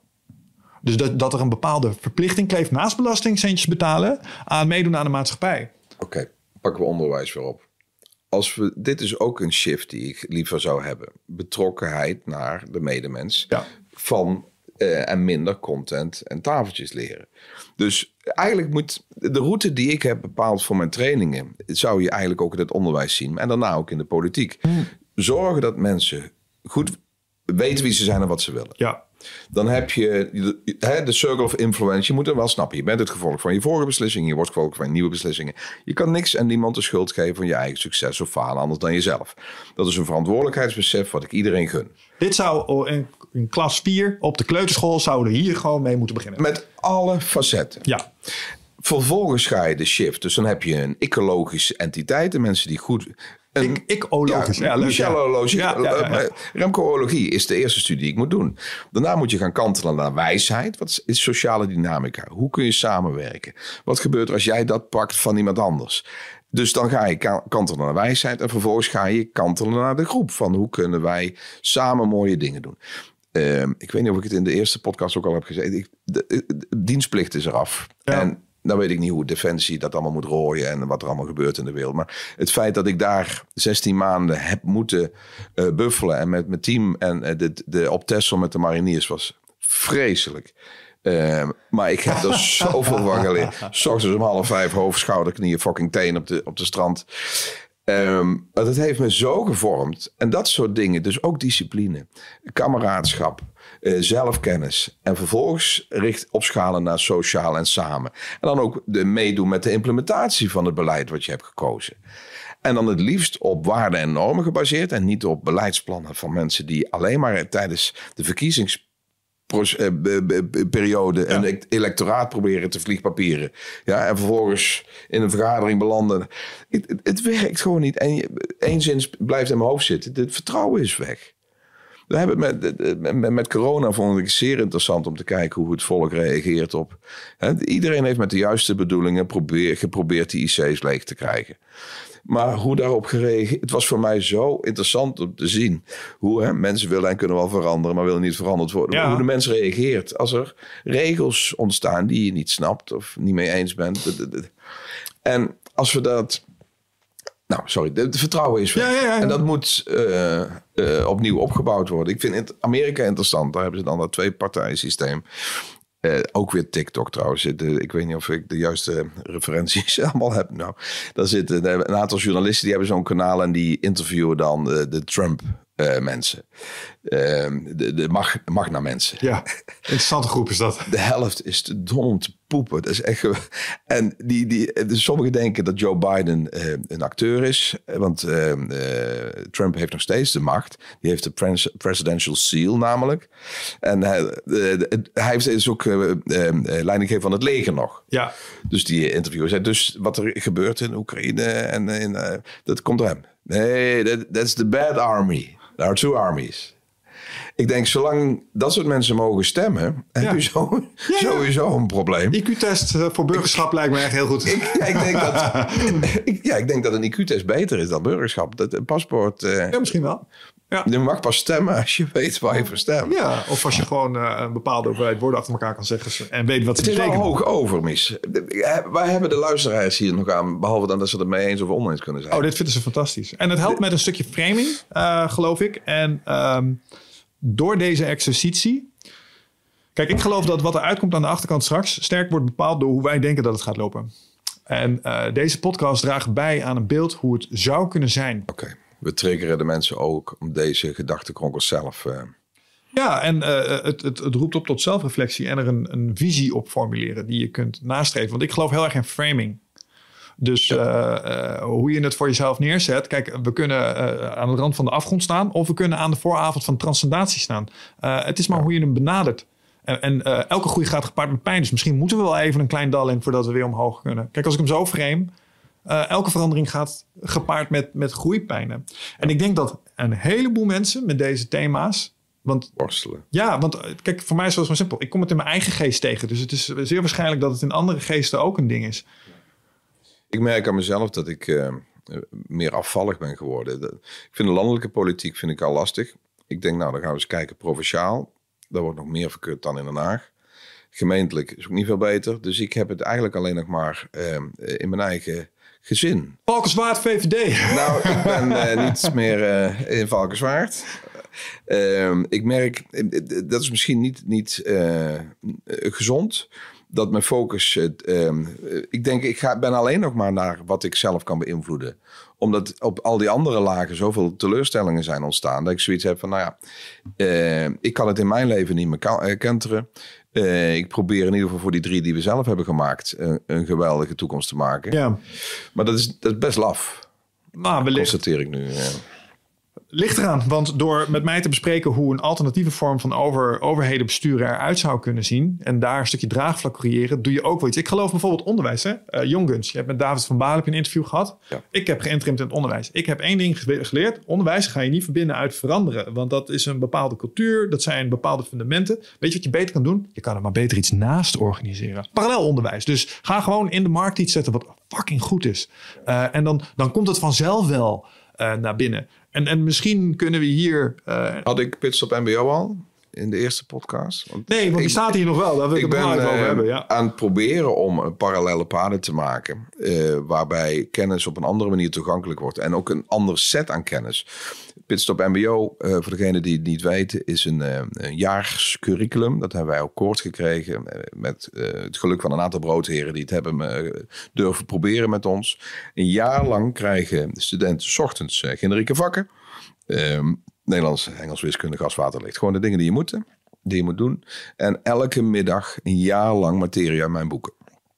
Mijn boeken zijn absoluut niet leading in wat voor zin dan ook. Maar het zijn gewoon ingedikte kennis van de, de mooiste mm. uh, denkers op aarde. En uh, we beginnen te inkvlekken. Het is moeizaam, uh, want we worden soms niet helemaal begrepen. Ja, is het een gap year? Of is het voor mensen die niet weten wat ze willen, dat we het afvalputje worden van de twijfelaars? En, nee, het is een curriculum persoonlijk meesterschap, waar we hè, net die fase die we bespraken, ecologie, wijsheid, verbaal meesterschap, um, in die jeugd um, uh, uh, masseren. En ik was wat, wat bang om. Uh, ik denk, je moet een bepaalde leeftijd hebben voordat die materie waar wij zo graag over praten, uh, dat die beklijft en dat je daar diepgang in kunt bereiken. Maar het gaat zo ontzettend goed. 15, 16, 17 jaar. Het blijft plakken. We hadden een situatie bij gildeopleidingen in Remond of Weert. Dan weet ik nog niet eens waar we. Kwam iemand, de, een moeder kwam met uh, tranen in de ogen naar mijn team. Ik geef daar geen les. Ik, mm. ik, ik, spoor alleen uh, schaken met volwassenen. Um, maar René Jij Hendricks, de instructeurs op, basically. Nou, we zijn met een aantal mensen hebben bedrijf gestart. René Hendricks en ik hebben het idee ooit ontwikkeld. En uh, Daniela Meijer heeft meegewerkt aan, aan de, de, vertaling naar de jeugd toe. En nou zijn er inmiddels al een stuk of zes, zeven pitstopleraren. En die moeder zei, wat doe je met, met, met ons kind? Nou, in tranen. Dus wij, we zaten net in de Borsato-periode. Dus ik denk, wat de fuck is hier, ja. hier aan de hand? Maar wat was er aan de hand? Uh, het kind uh, kwam uit zichzelf uit bed. Dat was schijnbaar een wonder in dat gezin. Kon smiddags niet stoppen met praten over wat er op school gebeurde. Uh, had blijkbaar foute vrienden. een beginnende drugssignatuur. En die is aangegaan puur door de materie die, hè, waarbij ook al op aan zijn gegaan, maar we zijn er wat later mee begonnen. Ja. En zo ontzettend geweldig. Uh, we, hebben, we zijn uh, VZV's aan het terugdringen, dus uh, vroege schoolverlaters. Ja. dat is peripheral voordeel, want het gaat om mensen persoonlijke meesters te maken. ze gaan stromen in een hoger niveau uit. Het is zo in, ontzettend inspirerend. Alleen, ik heb nog niet de marketing power en de mensen ik wil eigenlijk binnen vijf jaar in elke provincie zo'n pitstop. Mm. Waar je naast het reguliere onderwijs, wat doorkabbelt en ook wel zal innoveren en veranderen, maar een traject aanbiedt waar je in één keer die boekenkast executive development, wat normaal voor de happy few beschikbaar is, hè, eh, al kan aanbieden aan, aan die jonge eh, te vormen eh, minds. Ehm, ja, super. De, de, ik vind het wel leuk. Het is bijna autobiografisch, eh, de, de podcastreeks met jou. Want om de vier jaar. Je wist nog niet eens dat het om de. Dus eh, ik denk dat ik steeds meer ga proberen ook dat eh, mooie werk te vertalen naar de jeugd. Ja. Voordat ik zelf omval. En dat het geïnaugureerd is in nieuwe systemen. Dat ik het onderwijs veranderen zal mij niet lukken. Daar heb ik eh, te weinig macht voor en te weinig geduld over. Maar als we ernaast iets kunnen zetten waar eh, mensen zichzelf kunnen worden. En sociaal krachtig en verbaal meesterlijk. En ja, dat lijkt me, dat is wel traantrekkend gaaf. eh. Ja, en dat is, dat is legacy. En tegelijkertijd misschien een oplossing voor waar we het net over hadden. Want ik heb een keer Bas Kodde gesproken over een van mijn persoonlijke ergernissen als eh, studenten die hij helemaal relativeerde. Kijk, als ik een groep les geef er zitten een paar piepers op een telefoon die overduidelijk niet geïnteresseerd ben, dan ben ik boos. Vind ik niet leuk. en dan pak ik je. Eh, waarvan hij zei, waar maak je druk om gast? Weet je wel? Eh, ik heb dan altijd één mantra, zegt hij. En dat is N is één. Dus als ik er één weet, ik, hij zegt, ik geloof dat één individu, als je de juiste weet te raken en die op de juiste manier equipeert en die stuur je de wereld in, die gaat een impact hebben op een hele, en je hoeft alleen maar die ene persoon hoef je te raken. Eh, en ga daarvoor. Want er zitten er een aantal die zitten wel met opgeheven kin te kijken. Hij zegt, dat, Ah, ja. en daar zitten er een paar tussen. En waar ik aan moet denken als ik je dit hoor zeggen is, als jij toch eens de mensen die daar zitten, eh, al maar een fractie kan meegeven van eh, de- behoefte voor de toekomst. Dus de framing. Hé hey jongens, als we nadenken over de toekomst, wat zou dit kicken zijn? Daar gaat het zijn, zijn, zijn verwerkelijking. Ik vind, ja, het is makkelijker gezegd dan gedaan. Ik, Nou ja, ik vind 100%. het een frustrerend pad. Ik had veel meer meters willen maken al. Maar het, het, het geeft ook wel een stukje hoop. Dit, al raken we er maar honderd. eh, Ja. dan heb je best wel wat eh, achtergelaten als je omflikkert. Ah, ja, enthousiasme kennende. En, en als dat ook maar enigszins doorlekt naar je docenten, dan, eh, dan komt dat wel goed. En Ja. ik denk ook dat mensen die jouw gedachtegoed overnemen om zelf uit te gaan dragen. Nou, ik wil niet zeggen, kloontjes is niet helemaal juist, maar eh, op eenzelfde frequentie opereren. Ja. Ja. Maar het is ook, dat is moeilijk openen, blijkt. We hebben ook superdocent.nl, waar we proberen ehm, eh, de leraren eh, meer naar verbaalmeesterschap te brengen. Ehm, wat ik niet verwachtte is dat ehm, dat ontzettend lastig is. We hebben pas zijn wij eh, doorgemeten met eh, ons team door een marketeer. En die, die was heel kil onze casus aan het bespreken. En die zei, wie moet het betalen en wie heeft het probleem? Ja. En dat was zo ontzettend eh, niet fijn om te, te ontdekken. Want de leraren zelf laten zich nauwelijks trainen in educatieve zin. Want die zijn al educator. Ja. Dus, en, dus degene waar we het aan willen verkopen zien de noodzaak niet. Degene die het moet betalen, eh, die heeft er geen zin in, want die hoort ook.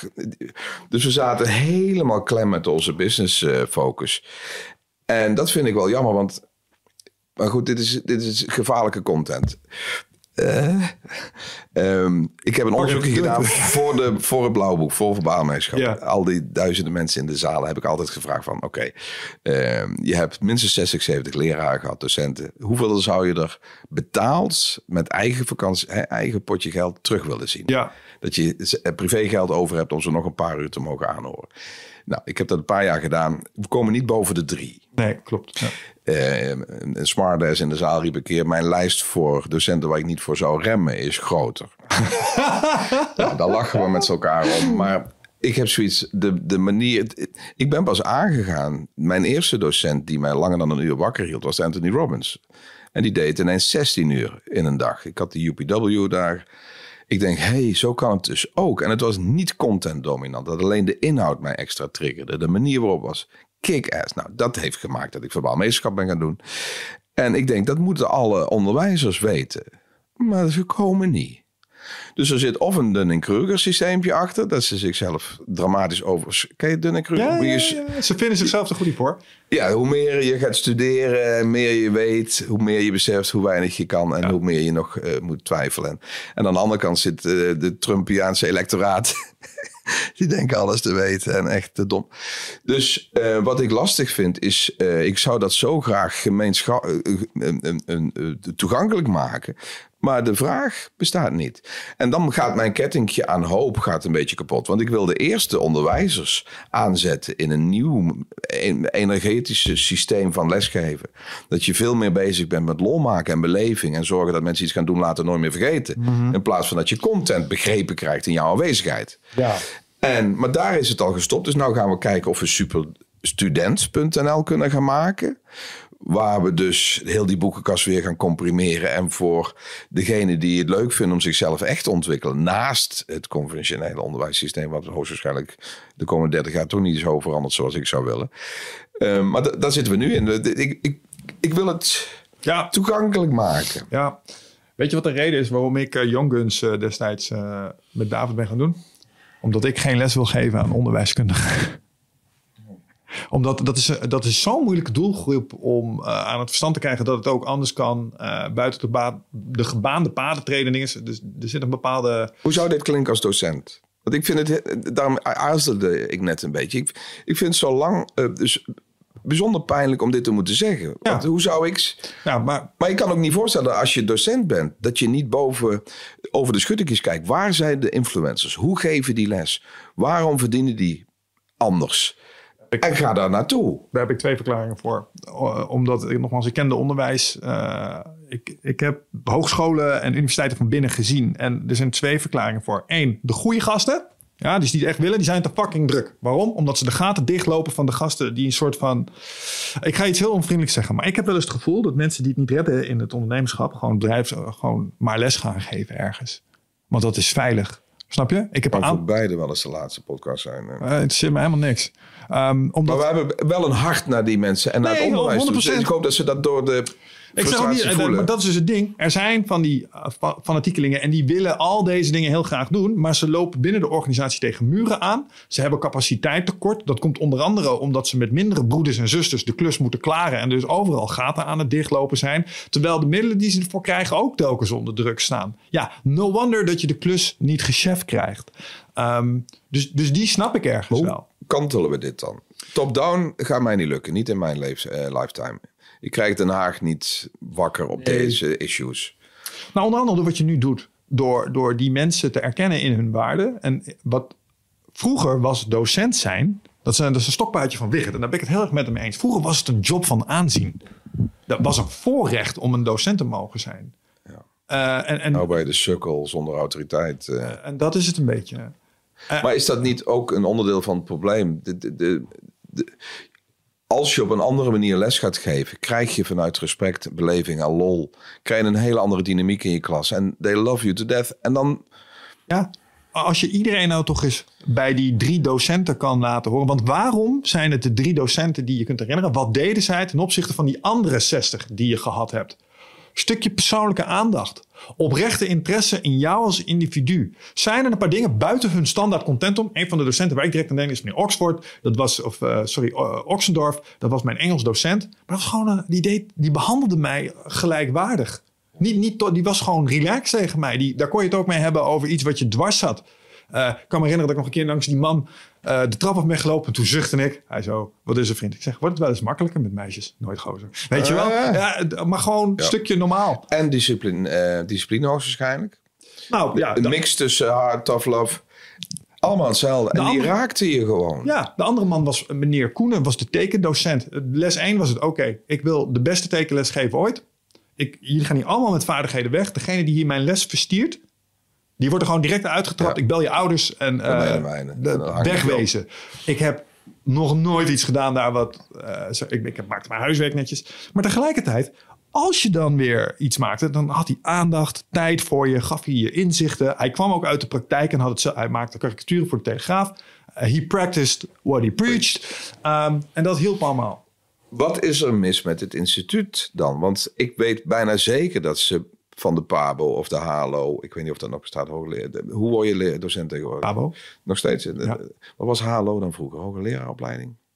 Denk het. Daar kom je af als gepassioneerde bruistablet en dan wil je de wereld veranderen. en op een gegeven moment, ik had er pas een in een meeting. We hadden een voorbespreking voor eentje die wist precies te vertellen hoeveel jaar, maanden, weken en dagen hij nog moest werken voordat hij uh, uh, gelukkig werd en vrij mocht.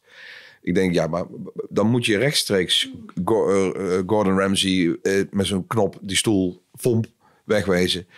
De, wat gebeurt er in die tussentijd? Want ik denk dat ze wel ooit de intentie hebben gehad. Ik wil een klas aanzetten. Ik wil een generatie raken. En ik wil gaandeweg ook nog wat content, want ik moet mijn leerplan afwerken. Maar ik heb. Jij hebt er drie dus. Nou, ik, eh, Jos Burgers was een van de eerste leraren die mij aanzette. Ik heb post-HBO marketing management met hem gedaan. Toen was hij nog geen spreker. Eh, Kaldenmorgen op het Hertog Gewoon humor en... Dat was handel voor fuck's sake. Maar die gast die, eh, die zet ook een klas aan. Ja. Ik weet het nog. En dan moet ik nog zoeken hoor. Of, uh... Ik heb nog één, Ad Borggever. Die, uh, maar dat was wel grappig. Daar herkende ik voor de eerste keer. Oh, dat heeft hij eerder gedaan. Toen heb ik die man heb ik het college heb ik twee keer gezien. En die zegt, ja jongens, wat ik graag altijd al wilde als docent is gewoon applaus. Dus ik ga nu zo even terug zo. En dan kom ik binnen, gaan jullie allemaal klappen voor mij. Ging die tafel staan, liet hij zien wat de Poolse tekst was. En hoe je, dat was presentatiekunde. Maar dan maakte zo'n indruk op mij. Hij deed zo onorthodox en hij was zo getapt en leuk. Hij maakte er, net zoals jij, uh, van. cabaret van. En uh, dat uh, humor, oh, kijk, als je iets leuk en entertainment maakt, dan, uh, dan, dan heb je mijn aandacht voor bijna twee uur lang. Ja. En ondertussen heeft hij me dingen geleerd waar ik nog steeds aan denk als ik mijn werk doe. Dus dat is boeiend. Nou, één ding blijft wel hangen in jouw betoog. Dat ze dus op een of andere manier de vrijheidsgraden niet meer hebben om die passie uit te werken. Sommigen vullen de gaten, ja. zitten daardoor ook vol, werken zich een slag in de rond en gaan in een burn-out. Dus eigenlijk hebben we weer gewoon te weinig geld, te weinig tijd. En wordt de passie eruit geknepen door het systeem? Of... Ja, als je zegt uh, waarom uh, lopen die lui uiteindelijk ergens uh, een doodlopende straat in? Nou, BV Nederland, waarbij op KPI's en dat soort dingen, dit soort organisaties zijn ingericht. En ik snap het wel, want natuurlijk, het is allemaal heel duur en je moet daar heel conscientieus mee omgaan, want er is ook een heleboel verspild. Maar als je een, als kerstvers docent uh, bij een nieuwe opleiding binnenkomt, ja, dan val je gewoon keihard in een stramien. Uh, wat er is met een aantal lesuren, met een aantal dingen die moeten worden gecoverd vanuit het jaarplan en vanuit de, de uh, dingen die je vanuit je opleidingen belooft aan je studenten. En dan is dan niet, er is dan niet meer zoveel rek om daar je eigen inbreng in te doen. Functionele rebellie. Ga gewoon. Ga het doen. Ja. Ja, want er zijn wel initiatieven. Zo streng zijn ze niet. Als je uit de kast blijft, kun je tot je pensioen in, in zo'n systeem blijven dobberen. Ja. Dus waar zijn ze bang voor om, om tegen de draad in uh, de jeugd wel aan te zetten?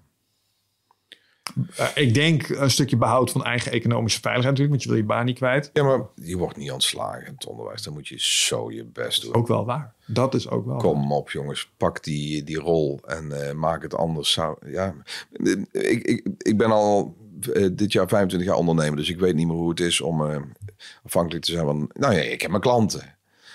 Maar dus baanverliezen is niet zozeer. Maar ik denk dat uh, als je toch ook je resultaten haalt. Het is toch ook een manier waarop je. Uh, maar op een of andere manier zie ik dus niet dat die markt zit te schreeuwen om Anthony Robbins-achtige talenten te ontwikkelen. Dus uh, ja, ik ben er nog mee aan struggelen over vier jaar. Uh, zien we Gaan we dit uh, verder verkennen en onderzoeken. en dan uh, zien we wel wat de inzichten zijn die we daar... Het huis niet afgefikt is. En dan, dan ja, oké. Um, ik wil een klein beetje naar een afronding toe gaan werken. We zijn inmiddels op de 1 uur en 40 minuten gearriveerd. Serieus? Ja, ja, de tijd Dat is een speelfilm, man. Jongen, het keer knipperen met je ogen en dan is Time voorbij. Is flies. um, laatste ding. Als je kijkt naar je... Lescarrière. Je hebt een boel mensen zien komen gaan. We hebben het net gehad over uh, dat er ook wel een soort zeitgeist uh, ding in lijkt te zitten. Maar misschien zijn er ook wel dingen die een soort van universeel lijken te, blij, uh, lijken te blijven. Um, en, als je daar het belangrijkste ding in al je lesgeven uit zou moeten distilleren. Wat, wat lijkt echt wel een universeel ding te zijn waar jij een mooi antwoord op hebt gevonden? Alright. Um, ik heb Verbaal Meeschap nieuw uitgebracht vorig jaar met wat extra hoofdstukken erbij. En ik heb de noodzaak van de Steven Spielberg-modus uh, uh, uitgeschreven.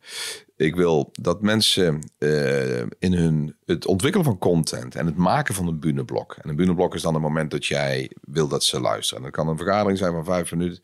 een moment in een vergadering van vijf minuten tot en met bijvoorbeeld hele trainingsdagen. Ja. Um, als je dan veel meer. Um, ik, wat ik bedoel met de Steven Spielberg-modus. Wat, wat wil zo'n filmproducent? Die zorgt dat mensen vanaf de eerste seconde gehaakt zijn. Nooit de kans krijgen om in te kakken. En daarna zo enthousiast zijn. dat ze anderen gaan vertellen hoe mooi die film was. Het is allemaal referral-based. We zien heel weinig reclames van films. Ja. Ja, dus dat is allemaal doorpraat. Um, als mensen op die manier. Dus we maken beleving. Ik wil dat mensen veel meer inzien dat het geen contenthandel is, educatie, maar een belevingshandel. NALS, Neuro-Associative Links. Yes. Je maakt die amygdala, die koppel je aan het, het, eh, thalamus, dus je hebt emoties en gegevens. En dan, hoe intenser de verbinding, hoe langer er iets mee eh, blijft zitten. Hè, ik, ik maak wel eens een platte grap. eh, als je eh, impact wil maken bij het bestuur, dan ga je naar, naar de directiekamer. Je zoekt de hoogste, je schopt hem vol in zijn gezicht en je plast over zijn aantekeningen. Dan word je nooit meer vergeten. Ja, nou op dat kaliber moet je eigenlijk een punch maken voor al je verhalen die je doet. In hoeverre blijft het achter? Je, je kent de theorieën rond PTSS, eh, wat, wat trauma's kunnen doen Ja. met iemands persoonlijkheid en met zijn gedrag en met zijn algemene welbehagen. Je moet dus punches maken. En de Steven Spielberg-modus verschuift eh, de focus van degene die een buneblok maakt naar hoe maak ik een nal in plaats van hoeveel fucking kennis moet ik achter Ja, ja, ja, ja. laten en op die PowerPoint en nou, daar hebben we het al over gehad, geen lichtbak. Ehm, dus wat blijft is in hoeverre en hoe word je herinnerd? En daar kun je de architect van zijn. En dat is een hele andere aanloop naar je podium toe dan content dominant gestructureerd proberen dat te. Je bent mensen aan het waterboorden met data. Nul effect. Schuldig. En als je dat andersom doet, eh, is je allereerst je effect groter. De lol voor jezelf is leuker. Ja, En eh, je, je, je gunt je publiek geen martelgang. ja. Dat alleen al eh, zou de wereld, eh, in ieder geval in de klaslokalen en in de vergaderzalen en in de congreshallen, een stukje beter maken. Ja. En de rest zijn technieken. Nee, nou ja, nee, inderdaad. De saus die er overheen giet, eh, doet een boel eh intern. Het is alleen maar de saus die eromheen doet. Hoeveel pijn of hoeveel, hoeveel plezier kun je creëren rondom je content? Of hoeveel pijn kun je creëren? Dit is gewoon de pain pressure, pain pleasure principle. Wij doen alles maar voor twee dingen. Kan ik het eten of eet het mij? En als je daar naartoe kunt convergeren, dat mensen, eh, dat is de basis van drive. Plezier krijgen of pijn vermijden. Ja. En als je dat goed kan, gaan mensen aan. En zelfs dan is het nog steeds de red race zo killing dat ze kunnen verzanden in. Ik heb er vorige week 40 uur weer een hele hoop volgepompt. En een eh, 10, 15 procent gaat er heel hard mee aan de slag. En de rest kan in potentie weer inslapen en in de groef schieten die er al was. Nou, ik vond dat in het begin super frustrerend. Eh, jij hebt me net met de ene zijn en de zijn eh, weer gerecupereerd. Eh, al zijn er maar 10, 15 procent, die gaan er toch weer een hele hoop. Dus ik moet minder kritisch zijn op mijn eigen producten. Dat eh, mensen naast een leuke week nog steeds er niks mee doen. Ja. Maar ik blijf de ergernis die jij daar omschrijft ook wel voelen. Maar dat is voornamelijk vanuit... Soms snap ik christenen wel. Om, om- om terug naar geloof te gaan. Ja, Dit ja. is een bocht, oké. Ja, nou, omdat ik heb eh, mensen uit de, de Pinkstergemeente gekend. zijn goede vrienden van mij. En elke keer komt het op geloof. En dat vind ik zelf ook een fascinerend onderwerp. Ja, maar ik, eh, hij legt het me uit. Luister gast, ik wil zo graag dat ik doodga, dat ik jou terugzie in de hemel. Weet je wel? Dus eh, hij doet dit omdat hij echt... Hij houdt van me. Hij heeft het beste met me voor. En daar zit mijn ergernis ook wel eens. Dan heb ik allemaal van die mensen in mijn groep zitten... waar ik inmiddels ook een bepaalde mate van rapport... En ik zou zo graag... Doe het nou gewoon, weet je wel. Ja. Ik zou zo graag willen... Ik gun het je zo dat je het gewoon gaat proberen. Maar voor sommigen is het gewoon niet... eh, of niet weggelegd. En ze vallen terug in de groef omdat... eh, en dat is wel een tip die ik heb voor iedereen die naar luistert... die met dit soort dingen bezig gaat. Zorg dat je de ruimte hebt om ermee aan de slag te gaan na de tijd. Dus als je midden in de piekbelasting zit... en je gaat dit ineens doen, dan gaat het niet werken. Je moet dit in een luwte doen. Uh, want alleen dan heb je de ruimte om de nieuwe dingen die jij ze aanleert... daadwerkelijk te internaliseren. Want zodra de druk erop gaat, doe je wat je altijd doet. Ja, ik, eh, ik heb ooit wel eens eh, schertsend gezegd: een burn-out is een van de grootste cadeaus die je kunt krijgen. Het is een pre-death experience. En dien ten gevolge gaan mensen uit en nemen ze, krijgen ze de tijd. Of het nou ziektewet is of je zit in between jobs. En dan landt het. Want dan heb je dus niet dat die deadline ook nog gehaald moet worden. Of dat die klant geserved. Maar dat is dus eigenlijk best wel een spagaat. Ja. Je, zou- je zou dus eigenlijk mensen na intense programma's zoals ik ze geef... een, een maand of wat eh, vrij hier tegen die boom aan zetten bij jou. Integratie. En dan eh, door. Ja. Maar ja, ja, dat is niet altijd realistisch. dat kost duur qua geld, Ja, financieel nou, dat, gezien. eh, dat is het. Dus misschien allemaal maar doen voor de vakantie of zo. Ik weet het niet. nee, maar eh, iets om rekening mee te houden inderdaad in, eh, voor mensen die dit willen oppakken. En ja, het- ik vind het mooi dat je zegt burn-out is een soort pre-doodervaring. En de meeste mensen veranderen toch pas. Heb ik het laatst ook weer met iemand over gehad. Als de pijn groot genoeg is geweest. Dus, uh, Jammer hè? Ik, waarom is die hamer? Nou, misschien hoeft het niet. Als wij ook bijvoorbeeld met, met onderwijs zo'n punch kunnen achterlaten. Dat het op dezelfde manier geborgd wordt als waren het een, een, uh, een burn-out. Dan ben je ook spekkoper. Ja? Dus de angst ervoor uh, kan genoeg zijn. Want ik, ik vind mensen die een burn-out hebben gehad. Ik heb er tegenaan gezeten. Dat gun je niemand en het feit dat het daarna healend en zuiverend en relativerend werkt en jezelf misschien de kans groter maakt dat je op de juiste koers komt.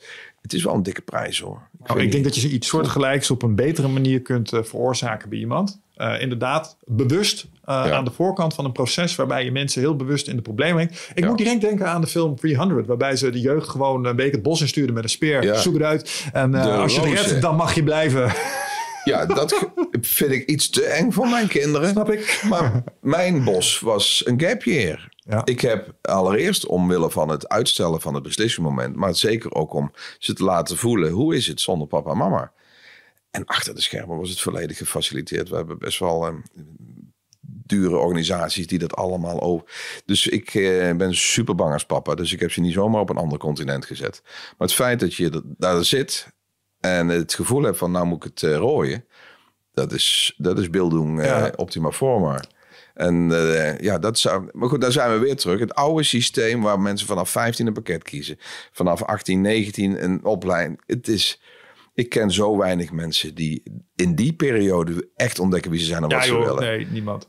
En uh, dat zou anders kunnen. Maar dan parallele trajecten. Inderdaad. Uh, we dat. gaan. Ja. En nog één laatste ding dan over uh, ba bange papa's zijn. Ik las, ik las laatst wel dat wij Nederlanders, uh, want ik zeg het, we droppen ze zeg maar voor een week in het bord. Maar uh, als je een Amerikanen concept dropping uitlegt, dat trekken ze niet. Jullie doen wat met je kinderen? Oh ja, die rijden gewoon 5 kilometer, 12 kilometer een bepaalde kant op. Ze krijgen een zaklamp, droppen we in een bos. Ja, en uh, je zoekt je weg maar naar huis, weet je wel. Ja, dat doen ze niet in de Verenigde Staten. Nee? nee nou, misschien omdat daar ook grizzlyberen in de bossen lopen. Oh. de kans dat je terugkomt is uh, aanzienlijk kleiner. Ook kleiner, denk ik. Ja. Oké. Okay. Ja, nee, het feit dat wij dat hier in Nederland doen is redelijk uh, cultureel redelijk bijzonder. Ja, dus oh, dat wist ik niet. Ja. Ik kan me wel voorstellen als je kind de kans groot is dat je kind niet meer terugkomt. Vraag me af of die scholing wel te rechtvaardigen is. Ja, snap ik helemaal. Hey, het is alweer af. Remco, het is het is weer af. Moses. Ik vond het echt een toffe podcast. En uh, ondanks jouw uh, twijfel, ik vond het heel fijn dat we even wat hoog over hebben kunnen gaan. Ja, het was wel. Uh, ja, en ik vind het heel leuk dat we het ook even een keer over wat. Ik wist niet dat jij zo'n UAP-fan was. Dat vind ik leuk. ja, getuige van een bepaalde ik, mentale lenigheid. wat ik mij op mijn knieën om ze te ontmoeten. Leuk man. Wat doe jij als ze vragen? Je mag hier blijven of je mag mee. Kom ik terug? Relativiteitsregels? Met andere woorden, uh, als ik straks dat vliegtuig zo, we gaan met de lichtsnelheid en ik kom weer terug, is het dan 300 jaar later? Oké, okay, dus je gaat eerst kijken. Nou, dan, dan mag alles Echt? waar je van houdt mee. Wat zeg je? Iedereen waar je van houdt mag mee. Ik denk dat ik nee ga zeggen, omdat ik uh, in alle science fiction die ik kijk, zodra mensen een voet op een andere ja, planeet zetten. Dat zijn valse go. Dat is niet de waarheid. Je mag mee en je gaat licht daar. Ja, ik, ik, zou, ik denk dat ik wel mee zou willen. Dan gaan we de podcast doen. Op in ja, een ander ja, ja, ja, ja, Wat een van de meest fascinerende science fiction verhalen, wat achteraf een fucking hoax bleef, bleek, maar ook in deze hoek was, was uh, Project Serpo. En dat was een soort omschrijving van de CIA van een expeditie die dan zogenaamd naar een andere planeet was. En dan omschrijven ze die cultuur en hun technologie. En ik, ik verslind dat. Ik vind dat echt fascinerend. Dus, uh, en jij? Ja, ik ga mee. Jij dat gaat lijkt mee. me geweldig. Ja. En maar neem ik wel uh, mijn close circle mee. Hitchhiker's Guide to the ik, Galaxy. Ik, ik, ik, mis uh, na een uur al, maar uh, Schattig. Nee, het lijkt me geweldig om een paar duizend jaar vooruit te gaan. Terug, terug hoef ik niet. Terug hoef ik niet. Nee, Jullie nee, zoeken nee, het maar uit op die nee. klote planeet. Hey, het was me weer een magere noede, Ja, Remco, noede vriend. uh, Uh, dankjewel. Ik zie je over vier jaar weer. En ja, dan, het uh, begint een uh, regelmaat te worden. Ja. Erg leuk. Superleuk. Luisteraars, dank jullie wel weer voor de aandacht en de tijd. En ik uh, catch jullie de volgende keer. Dankjewel. Ciao.